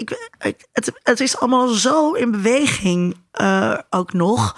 En ehm, mensen, de behoeften van mensen veranderen ook de hele tijd. Ehm, eh, dus TikTok draait heel erg om de langere filmpjes. Ehm, op Mastodon kan je ook langere, kan je langere toets schrijven dan op eh, Twitter. Twitter kondigt nu ook weer aan dat je meer ruimte eh, krijgt. Ik, dus de, de, de eh, behoeften van gebruikers veranderen ook steeds. Al dan niet gestuurd door die verschillende affordances die die platforms bieden. En dat hele met, met de hele wereld eh, alles willen delen, dat verandert dus ook. Dus die, ook die behoeften eh, veranderen. Met, dus weet je wel, dat hele idee van eh, een soort van ehm eh, narrowcasten naar iedereen, wat, wat je een beetje op Twitter hebt. Ehm, dat kan ook alweer veranderen in toch nog weer naar kleinere gemeenschappen, toch weer je, je bestaande offline netwerk, waarmee je in een, in een soort van groep wil zitten. Dus het is zo moeilijk om te zien hoe, hoe dit er in de toekomst gaat uitzien. Daar zijn we gewoon nog lang niet. Want ik zag bij jou, Jan, dat jij samen met Marcus ook een, een pleidooi voor transparantie, uh, in ieder geval daarover geschreven hebt in een bundel. Uh, een pleidooi voor transparantie? Nou, een pleidooi. Het ging over transparantie. Ja, ja maar een pleidooi voor zou ik. was het helemaal niet. wat, was de, wat was het dan wel, Jan? Um, ik, ik ben de laatste tijd heel hard. Marcus ook trouwens, maar. Um, ik ben tijd heel erg geïnteresseerd in de relatie tussen media en transparantie. En daar kan je eigenlijk heel veel op heel veel verschillende niveaus over zeggen. Um, degene die het meest aansluit bij wat we hier daar net over hadden, was... Ik heb een studie geschreven over, of een artikel geschreven... Het is bijna klaar, um, over de transparency centers van de Facebooks en, uh, en uh, de, de Twitters van deze wereld. Want die zijn eigenlijk heel interessant, omdat je ziet dat de Wat eerste keer... Uh, nog nooit van gehoord nee. van de transparency centers? Oké, okay. ze zijn begonnen in rond 2012 of zo, als de, na de, als de eerste soort van druk begon te komen op sociale media, zijn ze begonnen met een jaarlijks transparency report. En dat was een soort van jaarlijks rapport waarin dat ze overzicht gaven van kijk, we hebben zoveel requests voor takedown gekregen van de, van de industrie. We hebben zoveel, uh, uh, zoveel data-aanvragen van de politie gekregen. We hebben zoveel accounts gesloten omwille van uh, ja, malevolent behavior. Um, dus een soort van overzicht. En nu zijn dat geleidelijk aan zijn die geëvolueerd naar een soort van, we zijn noemen het transparency centers. Waarbij dat je eigenlijk een bijna, het is niet in real time, maar regelmatig updates ziet waarin dat er precies duidelijk wordt gemaakt van wat dat de platforms ondernemen op het vlak van um, um, uh, content management, user management, dan vooral uh, het, het, sluiten van fake accounts en dergelijke meer.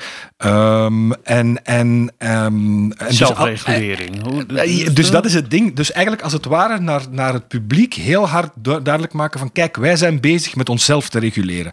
Maar wat je ook heel duidelijk ziet, is dat die zelfregulering eigenlijk ontzettend Um, niet alleen self-serving is, omdat ze eigenlijk willen externe regulering ontwijken. Dat zie je heel duidelijk in, in alles wat ze zeggen.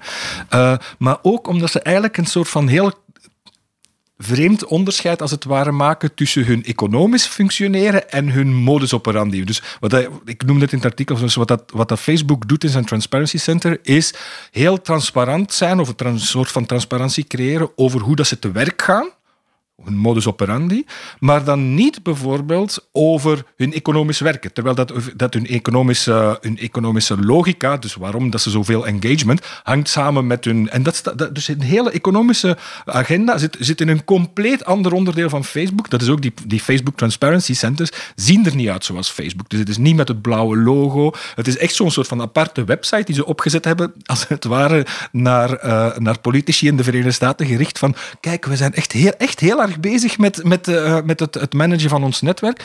Maar het is er altijd op gericht om precies dus de staat niet te laten reguleren en ook om hun economische engine, hun economische businessmodel, dan niet te laten ondermijnen. Want dus dit, alles van advertentie en advertentiepolitiek zit in een heel ander stuk van de website. Nooit, wordt nooit onder transparency gebracht. Dus ook, ook echt wel interessant. En is er controle op de manier waarop zij transparant zijn? Uh, nee.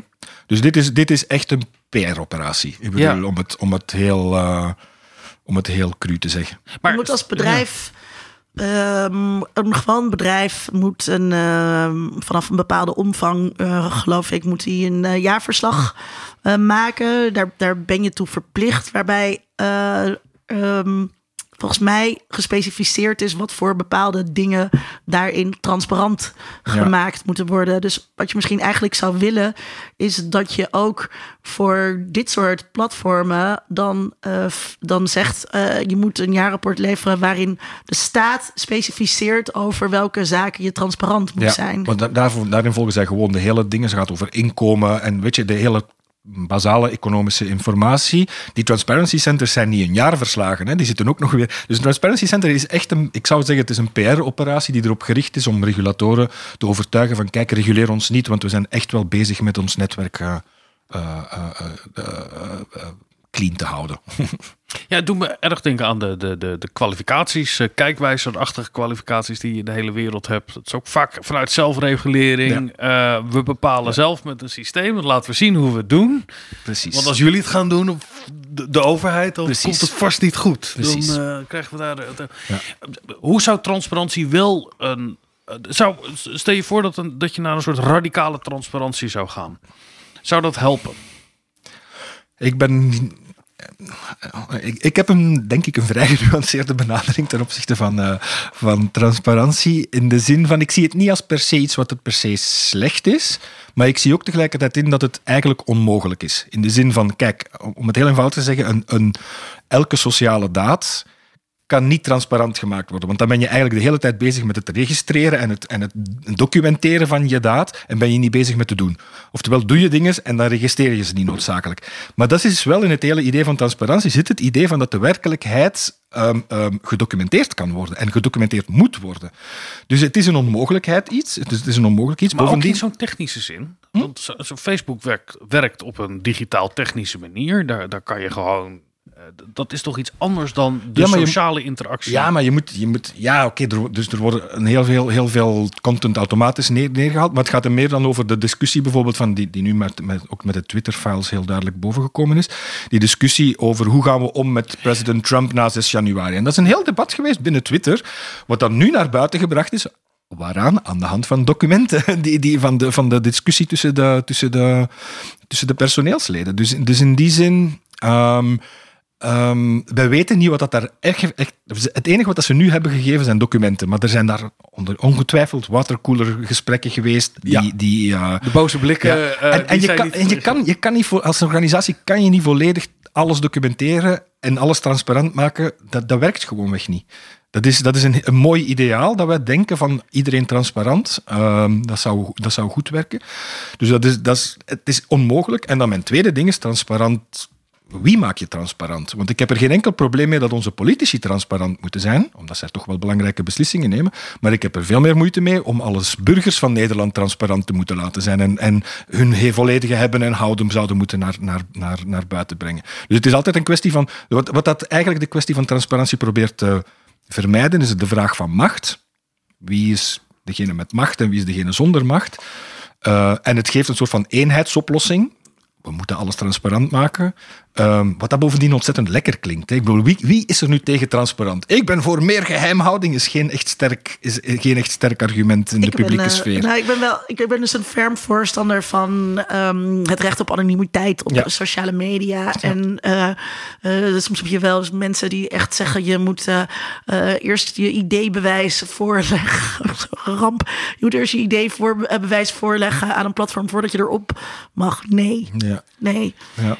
Nee, ik vraag me ook af of ik, of ik voor transparantie ben, ook in, in, in real-life situaties. Uh, wij werken alle drie aan een universiteit. Ik zou niet willen dat elke besluitvorming in elke sollicitatieprocedure, elke dialoog die daar gevoerd wordt, transparant is, op schrift wordt gesteld en beschikbaar is. Uh, ten eerste, niemand gaat ooit nog iets zeggen.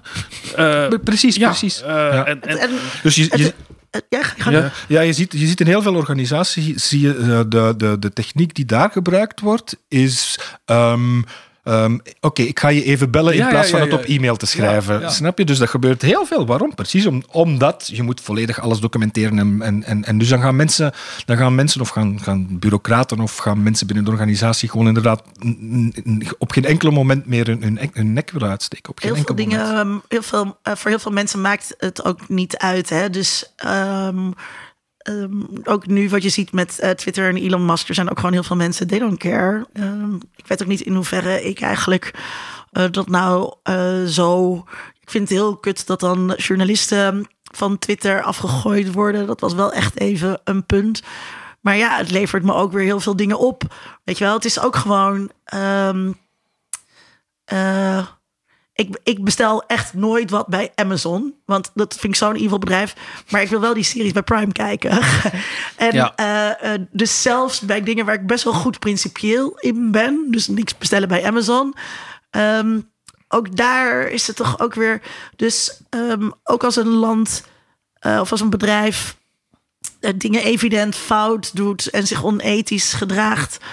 ehm, dat betekent niet dat wij als gebruikers daar dan niet meer heen gaan. Dus, dus je kunt ook, een bedrijf kan heel transparant zijn over hoe zij ehm, eh, allerlei slechte dingen doen. En dan nog blijven mensen daar naartoe gaan. Ja. Nee, en ook transparantie. Er is, ik kan me niet meer de juiste bewoordingen vinden, eh, herinneren, maar er is een artikel en die zegt heel laconiek, zo van de mensen die... dus het hele idee van bijvoorbeeld eh, Transparency eh, International werkt door, we gaan een index maken van hoe transparant een land is, of de politici in een land zijn, en dat zal hen dan tot gedachten veranderen. En de, de, de, de teneur van het artikel is van the shameless cannot be shamed into submission, you know? Ja. Het is, het, het, en dat zie je dikwijls genoeg. Ik bedoel, Donald Trump moest in principe zijn, zijn, ehm, zijn, ehm, zijn resultaten voorleggen. Hij is vijf, zes jaar is hij erin geslaagd om het tegen te houden. Weet je, zijn... zijn eh, Ja, want dus- kennis en inzicht heeft i- in de geschiedenis zeker niet altijd geleid tot verandering. Nee, dat, nee. eh, kijk naar de hele fossiele industrie bijvoorbeeld. Over- Bijvoorbeeld. We al heel lang weten natuurlijk hoe het zit, maar dat heeft niet tot grote veranderingen geleid. Het- Jan, in, de, in, in de, analyse of de diagnose eigenlijk van de platformeconomie en het nadenken erover, of het nou via een perspectief van regelgeving of transparantie of culturele producties. eh, eh, wat is de rol van, wat, wat- de rol van academici hierin of van wetenschappelijk onderzoek?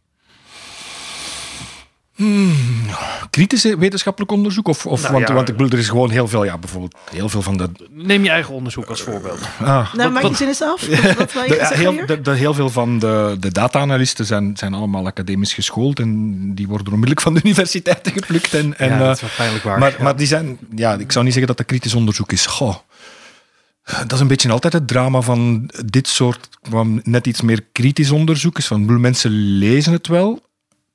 Ehm, het is niet van dat het onopgemerkt gaat, maar je bent toch altijd wel een beetje roepende in de woestijn.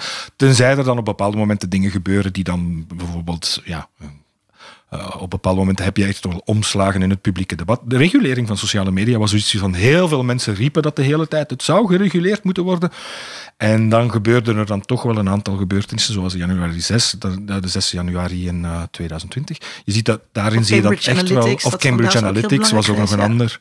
Ja, maar dat is, dat is, dat is dus weet je, dit soort onderzoek kan argumenten maken, argumenten voorbereiden, maar uiteindelijk zal de verandering toch wel vanuit de maatschappij moeten komen.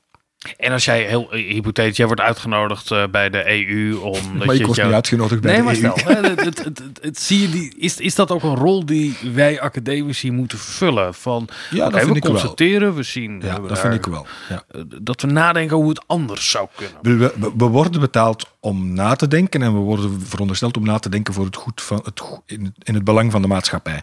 Ehm, dus in die zin vind ik het ook een minimum dat, je, dat we waar we kunnen wegen, dat we dan ook gaan wegen. En ik denk wat, wat ook belangrijk is, eh, maar dat laat bijvoorbeeld eh, Anne Helmond met haar onderzoek, doet dat al, al heel lang met haar onderzoek. Eh, begrijpen hoe platformen werken is ook niet iets wat je zomaar 1, 2, 3, doe, eh, 1, 2, 3 eh, doet. Dat vereist best wel specialistische kennis. Dat vereist ook echt onderzoek.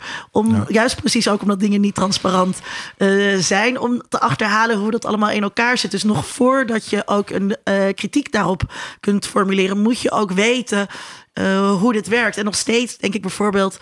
eh, als het gaat over die profielen die eh, dit soort bedrijven hebben van alle, van alle gebruikers. En mensen denken daar vaak niet aan, want die denken alleen maar aan: oké, die advertentie die ik te zien krijg op Facebook of op Twitter, die past eigenlijk helemaal niet bij mij. Het zal wel loslopen met wat, we, wat, met wat ze van me weten. En eh, terwijl als je bijvoorbeeld bij Tinder. Eh, kwam iemand tegen die bij Tinder haar data had opgevraagd. En dat is gewoon een pak papier zo dik als een pak printerpapier, zoals je Ja. dat eh, koopt in de winkel. Dat is jouw profiel. Tinder weet alles over jou. Tinder weet hoe racistisch jij bent.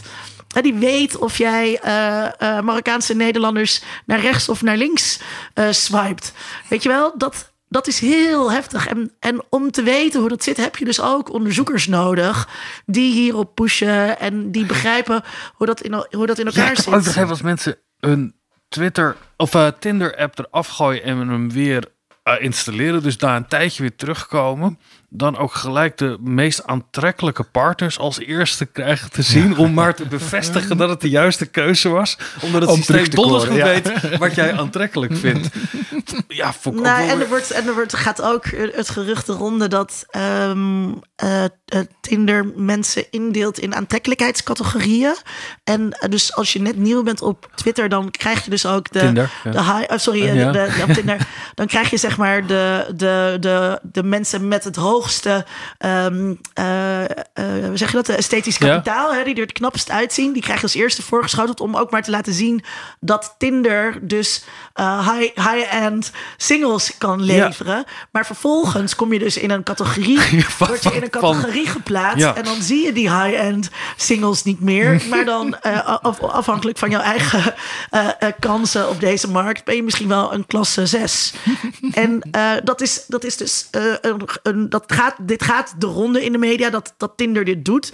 Maar dat weten we dus ook niet zeker mm. dat Tinder dat doet.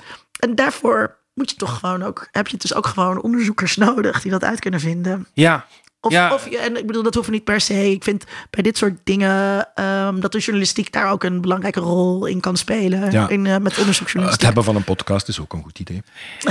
Nee, ik bedenk, ik kreeg ooit eh, een- mail van Facebook. Want ze zijn zo aardig, ze doen alles gratis. Ze boden echt een driedaagse eh, training aan voor onze studenten nieuwe media. Met lunches en eh, diner achteraf. Omdat ze gewoon ook een bijdrage wilden leveren aan het hoger onderwijs. ik heb hier een stuk over geschreven in, in NRC. Hebben we niet gedaan. Nee, Nee, eh, over, ja. over eh, want vaak eh, creëren dit soort, dit soort bedrijven een soort van rookgordijnen. Dus, dus ik denk zo'n Transparency Center is ook een beetje een rookgordijn.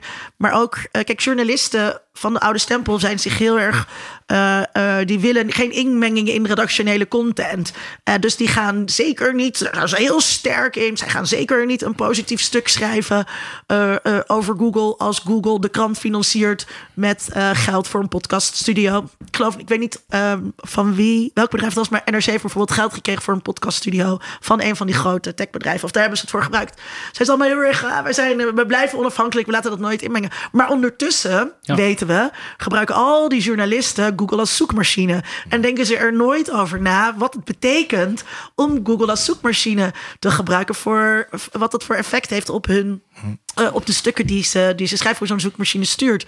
Dus ook daar zie je weer dat het heel belangrijk is dat we dus ook openbaar maken hoe zoekmachines werken. Ik wou nog wat vragen, Jan, eh, want je zei zo mooi: eh, een rol van die acad- academici kunnen hebben is argumenten maken en eh, voorbereiden.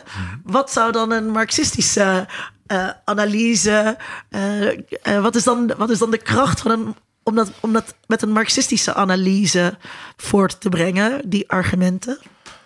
Ehm nee, ik ben even aan het denken hoor. Ehm, ik denk wat dat je.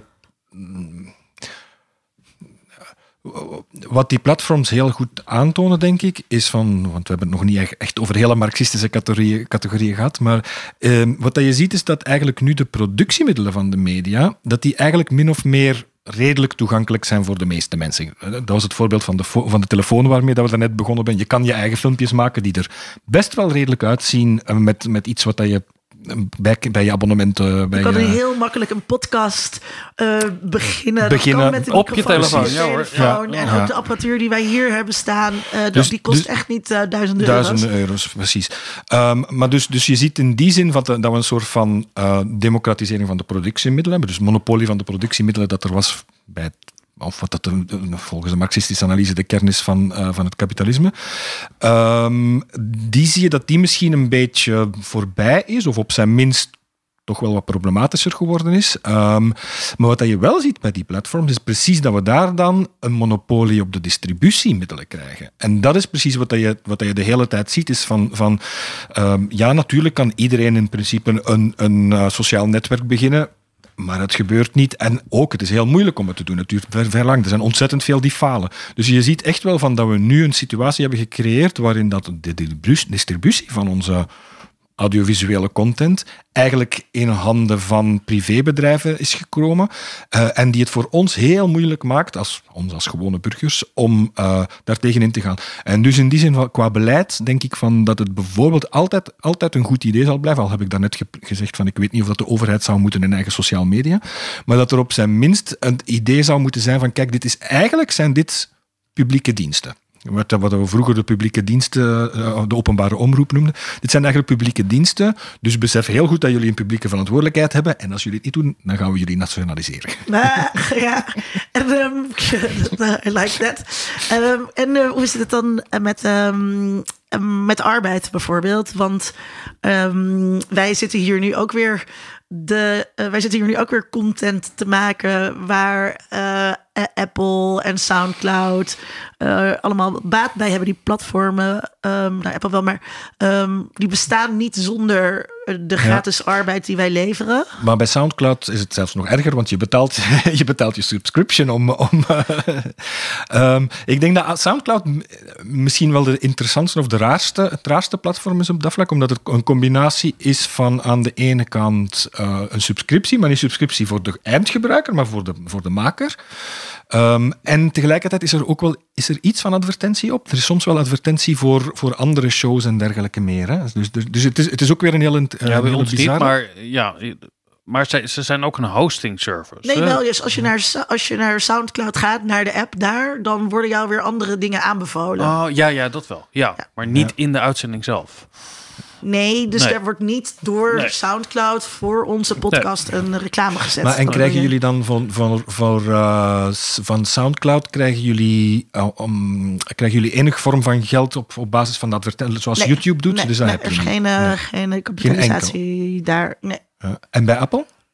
Uh, nee, dus het werkt wat. wat um, nee, Apple is helemaal listig, want Apple doet helemaal niks. Want ze hosten het ook helemaal niet. Ze geven alleen de RSS-feed, weet je wel, dus ja, het, het, unieke mm-hmm. URL.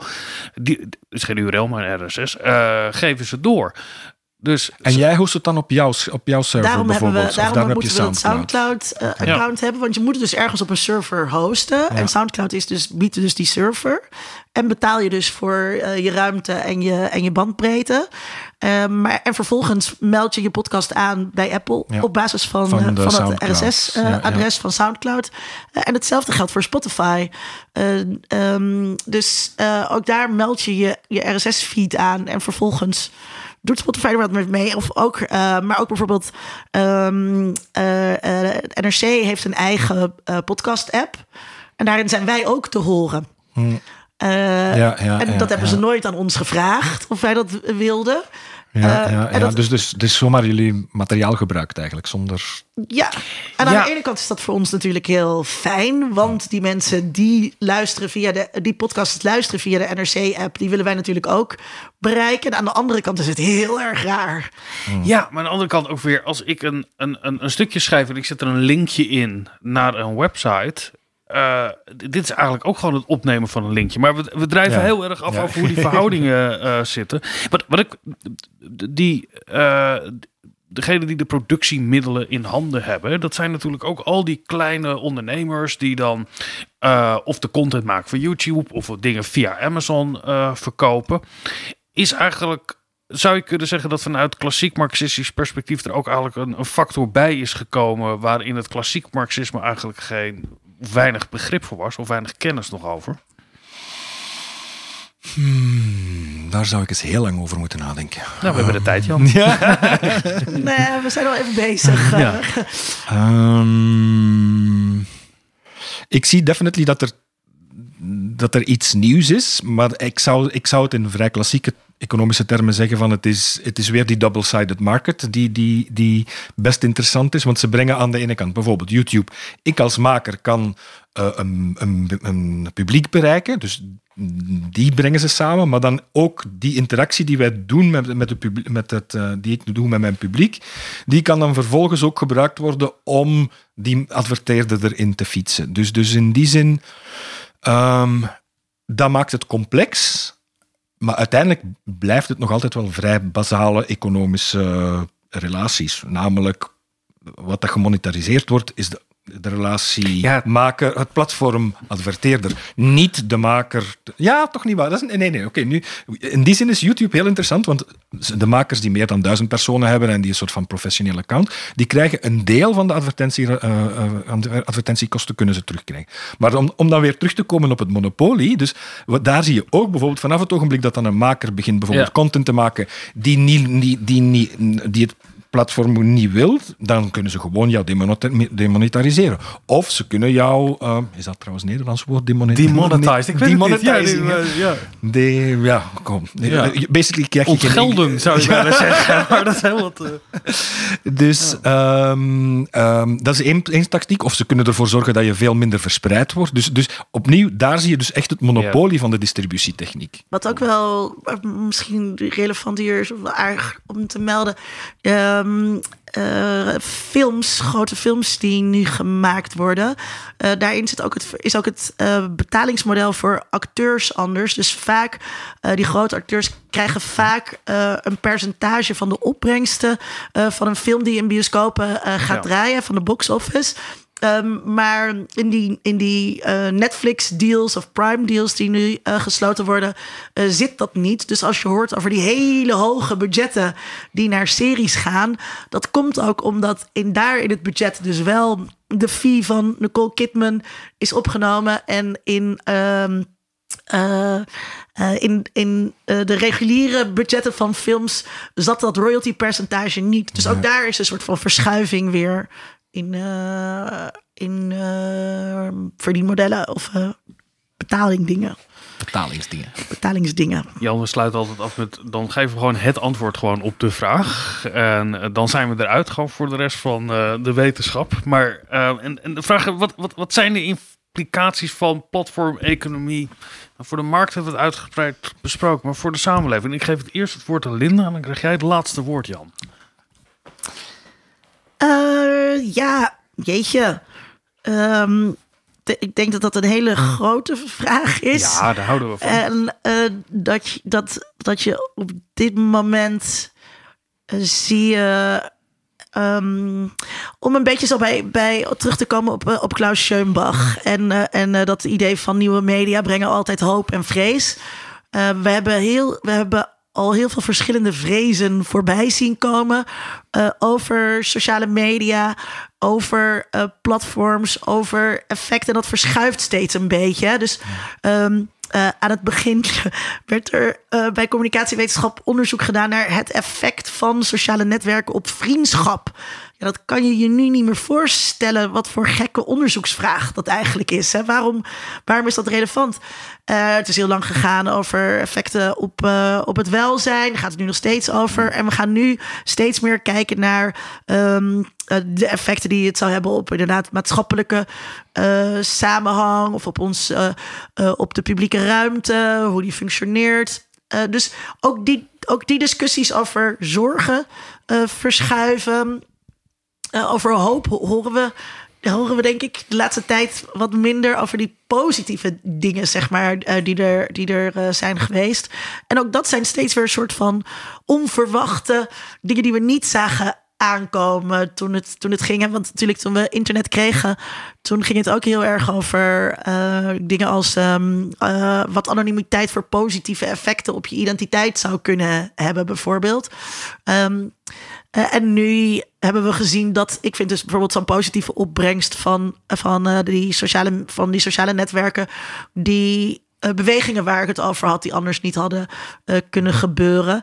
En dat en dus sommige van die positieve dingen, positieve implicaties kunnen we ook nog niet zien, omdat die affordances dus ook nog steeds veranderen. En niet alleen de technische mogelijkheden veranderen, maar mensen vinden ook steeds nieuwe manieren om daar leuke dingen mee te doen. Want de retweet met de quote retweet hebben we gekregen omdat mensen dat zelf een soort van Ja, begonnen. Ja, eh, begonnen te doen. Dus niet iets wat Twitter bedacht heeft. Dat hebben, hebben gebruikers Ze hebben, het dan wel, ze hebben het wel geautomatiseerd en... Ze hebben ja, en gezorgd dat het in hun voordeel Precies, eh, eh, ging werken. Zodat ook zij dat konden gaan sturen. Want zij zijn eigenaar. Ja.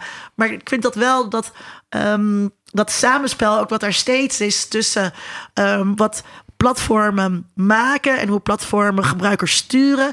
En wat gebruikers met die platformen doen. Ja. En ehm, eh, eh, en bedenken ook. Ja, ik denk dat op zich de vraag gewoon niet de juiste vraag is. Want ik denk niet dat er één effect is van het platform. Het platform, uh, zoals het opkomt in 2013, is een heel ander beest dan nu. We hebben het gehad over regulering, we hebben het gehad over uh, economische mo modellen. Het is ook niet van dat er in broadcasting één model was. Hè. Ik wil in broadcasting begin je met drie, drie uh, zenders uh, door de overheid betaald in, in Europa. En dan in de jaren negentig krijg je, krijg je privézenders die dan aanvankelijk maar één of twee private zenders zijn. Uh, en dan zie je dan geleidelijk aan een verfragmentering van dat. Dus, dus in die zin is, het, is de vraag van wat is, wat, was, wat is het effect van broadcast, kan je ook echt niet zeggen. Dan moet je zeggen van het was op dit ogenblik of dat ogenblik, historisch ogenblik, was het, had het die effecten.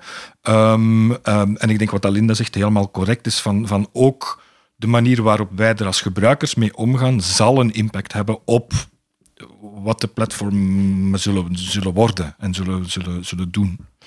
Dus in die zin denk ik van dat, het niet, dat, je, dat, je, dat je niet moet verwachten om een antwoord te kunnen geven op de vraag van wat is het effect van platformen. Denk je ja. dat dit gaat, dat, dat wel, dat die platformen stabiliseren? Dus dat we op een gegeven moment wel een model hebben van zo zitten streaming uh, platforms ja. in elkaar. Maar dat, maar dat gaat nooit permanent blijven en dat gaat ook makkelijk undone.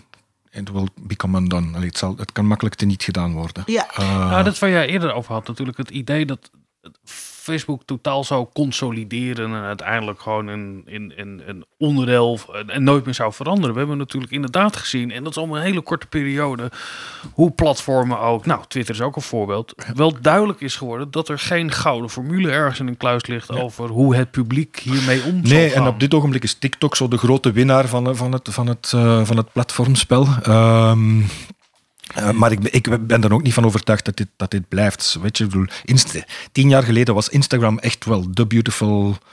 De, de, wat al onze studenten heel, heel enthousiast en nu, nu willen ze er niet gezien worden. Dus in die zin, het zou wel veranderen. Maar wat je toch wel ook weer ziet, is dat er bijvoorbeeld iemand als Disney, of een bedrijf als Disney, is doorheen ongeveer is doorheen de filmperiode, is doorheen de broadcastperiode. En ze komen elke keer weer terug. Ja, ja. Dus uiteindelijk ja. je, kan je dus, wel ja. zeggen... Uh, de rijke bedrijven zullen altijd de winnaar zijn? Ze... ze ik denk niet altijd, want er zijn ook een nieuwe bijgekomen. Facebook en Google zijn re relatief nieuw. Uh, maar als je anders kijkt, Apple is toch al veel langer bezig. Uh, Sony, Time Warner ook al veel langer bezig. Dus je ziet toch altijd wel een zekere neiging tot een terugkeer van return of the same. Ja, en, en intellectueel kapitaal en financieel kapitaal en een lange adem doen, doen een boel natuurlijk. Als je ja. daar, uh, de, de contentstrategie van Disney is gewoon ontzettend slim. Hè. Ze hebben hun een gigantische uh, library die, die, die gewoon altijd werkt. Waarbij Staat. ook um, uh, overnames natuurlijk. Absoluut uh, cruciaal zijn. Ja, ja. ja. ja. Luisteraar, waarschijnlijk heb je dit geluisterd op een platform. Dus denk daar dan ook eens een keer over na. Je kan het alleen maar luisteren dat, op dat, een platform. Nou ja, misschien gaat er nog een illegaal circuit van mp3's, maar dat is dan ook weer op een platform natuurlijk. Je kunt niet aan niet... een... Uh, je kunt, ja, waar kun je, ja, nee. Iemand kan het analoog opnemen op een, op een bandrecorder. Nee, iemand kan, ja, gewoon, iemand moet iemand het toch kan ja, maar ik, ik, maar ik zou Luister, bit, laat, zou, het, laat, het, laat het ons weten. We gaan er een eind uh, aan breien. Dit was aflevering 171 van de podcast Onder Media Doctoren. De redactie, uh, dat zijn uh, deze keer Linda en Vincent, net als vorige keer. Kijk op ondermediadoktoren.nl en op welk platform hosten wij onze site ook alweer? Vertel eens even, Linda. Ik ben even helemaal de naam kwijt. Nee, dat is, dat is dus juist uh, wel geinig. Uh, wij hebben een eigen uh, website ja. op een eigen domein. Dat, dat, dat, hosten, dat domein hosten wij wel ergens. Maar ja, oh, dat is ja, geen, ja. een hostingsboer is geen platform. Nee. nee. En um, uh, dus hoe, ja, hoe dat, dat, is, ja, hoe dat uh, oude internet is bedacht. Um, met, die, met die URL's en domeinen. En dat de organisatie die, waar je die domeinen uh, verkoopt en registreert. dat is volgens mij wel. het SIDN is volgens mij wel een private organisatie. Maar het is geen platform. Geen platform en heel erg gebonden aan, aan, aan de coole regels zeg maar, van het oude internet. maar denk ook bijvoorbeeld aan e-mail, wat ook, ja. wat ook heel goed geregeld is. Dus, ehm, en onze hostingsboer noem ik niet bij naam, want eh, ja, daar maken we geen reclame voor. Want we krijgen ook verder helemaal niks van hun. Dat is hartstikke duur. Ehm, we hebben wel vaker afleveringen gemaakt. Zoals aflevering 125 met Marleen Sticker over het internet is een stuk. Eh, aflevering 129, eh, links van links met Willem Schinkel. Willem was wel ietsje linkser dan jij, eh, Jan, dus dat klopt. Vandaag, aflevering vandaag. Eh, 134, data, digitalisering en datificatie met Mirko Schaefer. En nog eh, niet zo heel lang geleden, aflevering 138, mediabeleid en de macht van platformen met Matthijs Leendertsen. Ja, en je bent Ehm. eh, aflevering 168 vergeten influencer marketing. Die, die, die, staat hier op mijn lijstje, maar je was me weer voor. Oh, je houdt je niet aan het draaiboek. Je kan ons steunen. Nee, dat staat helemaal niet in het draaiboek. Ik heb Nee. het draaiboek hier voor me. Ja, maar ik heb hem later. Stond er aangevuld. niet, Ja. stond er niet in. Je niet kan eh, lid worden bij Patreon of vriend van de show. Dan kun je ons steunen, net als Matthijs van Dat doet. Ehm, maar je kan het ook gewoon op je eigen platform zetten van... ik luister altijd naar Onder Media Doctoren. Dat kan je dan op Twitter zetten, op Facebook of Mastodon. Wij zijn, ook, Eh, wij zijn ook voor, voor bereik en distributie zijn wij heel afhankelijk van, eh, van platformen. Zeker, maar ook vooral van de mensen die luisteren. Want die vinden wij het belangrijkste. Ja, dus wil je zeg maar een soort Volgende van keer, eh, eh, anti-monopolistisch Ja. dat allemaal omzeilen, decentraal. Vertel vooral mensen over de media En eh, volgende keer, we weten het nog niet helemaal zeker waar we het over gaan hebben. Gaan we het hebben over memes of gaan we het hebben over fetishes? Heb jij nou een groot voorkeur en zeg je, nee, je moet het over memes hebben? Laat het ons dan weten. Of je zegt, nee, fetish, fetish, dat is leuk. Zo Laat het ons dan komen ook twee weten. onderwerpen langs, maar eentje Ja. komt eerder. Eh, dank Jan. Dank Dat is me. Jij dan, dank Vincent. En tot de volgende keer. Tot dan. Onder Mediadoktoren is een podcast van Vincent Kronen en Linda Duits. Meer informatie vindt u op ondermediadoktoren.nl.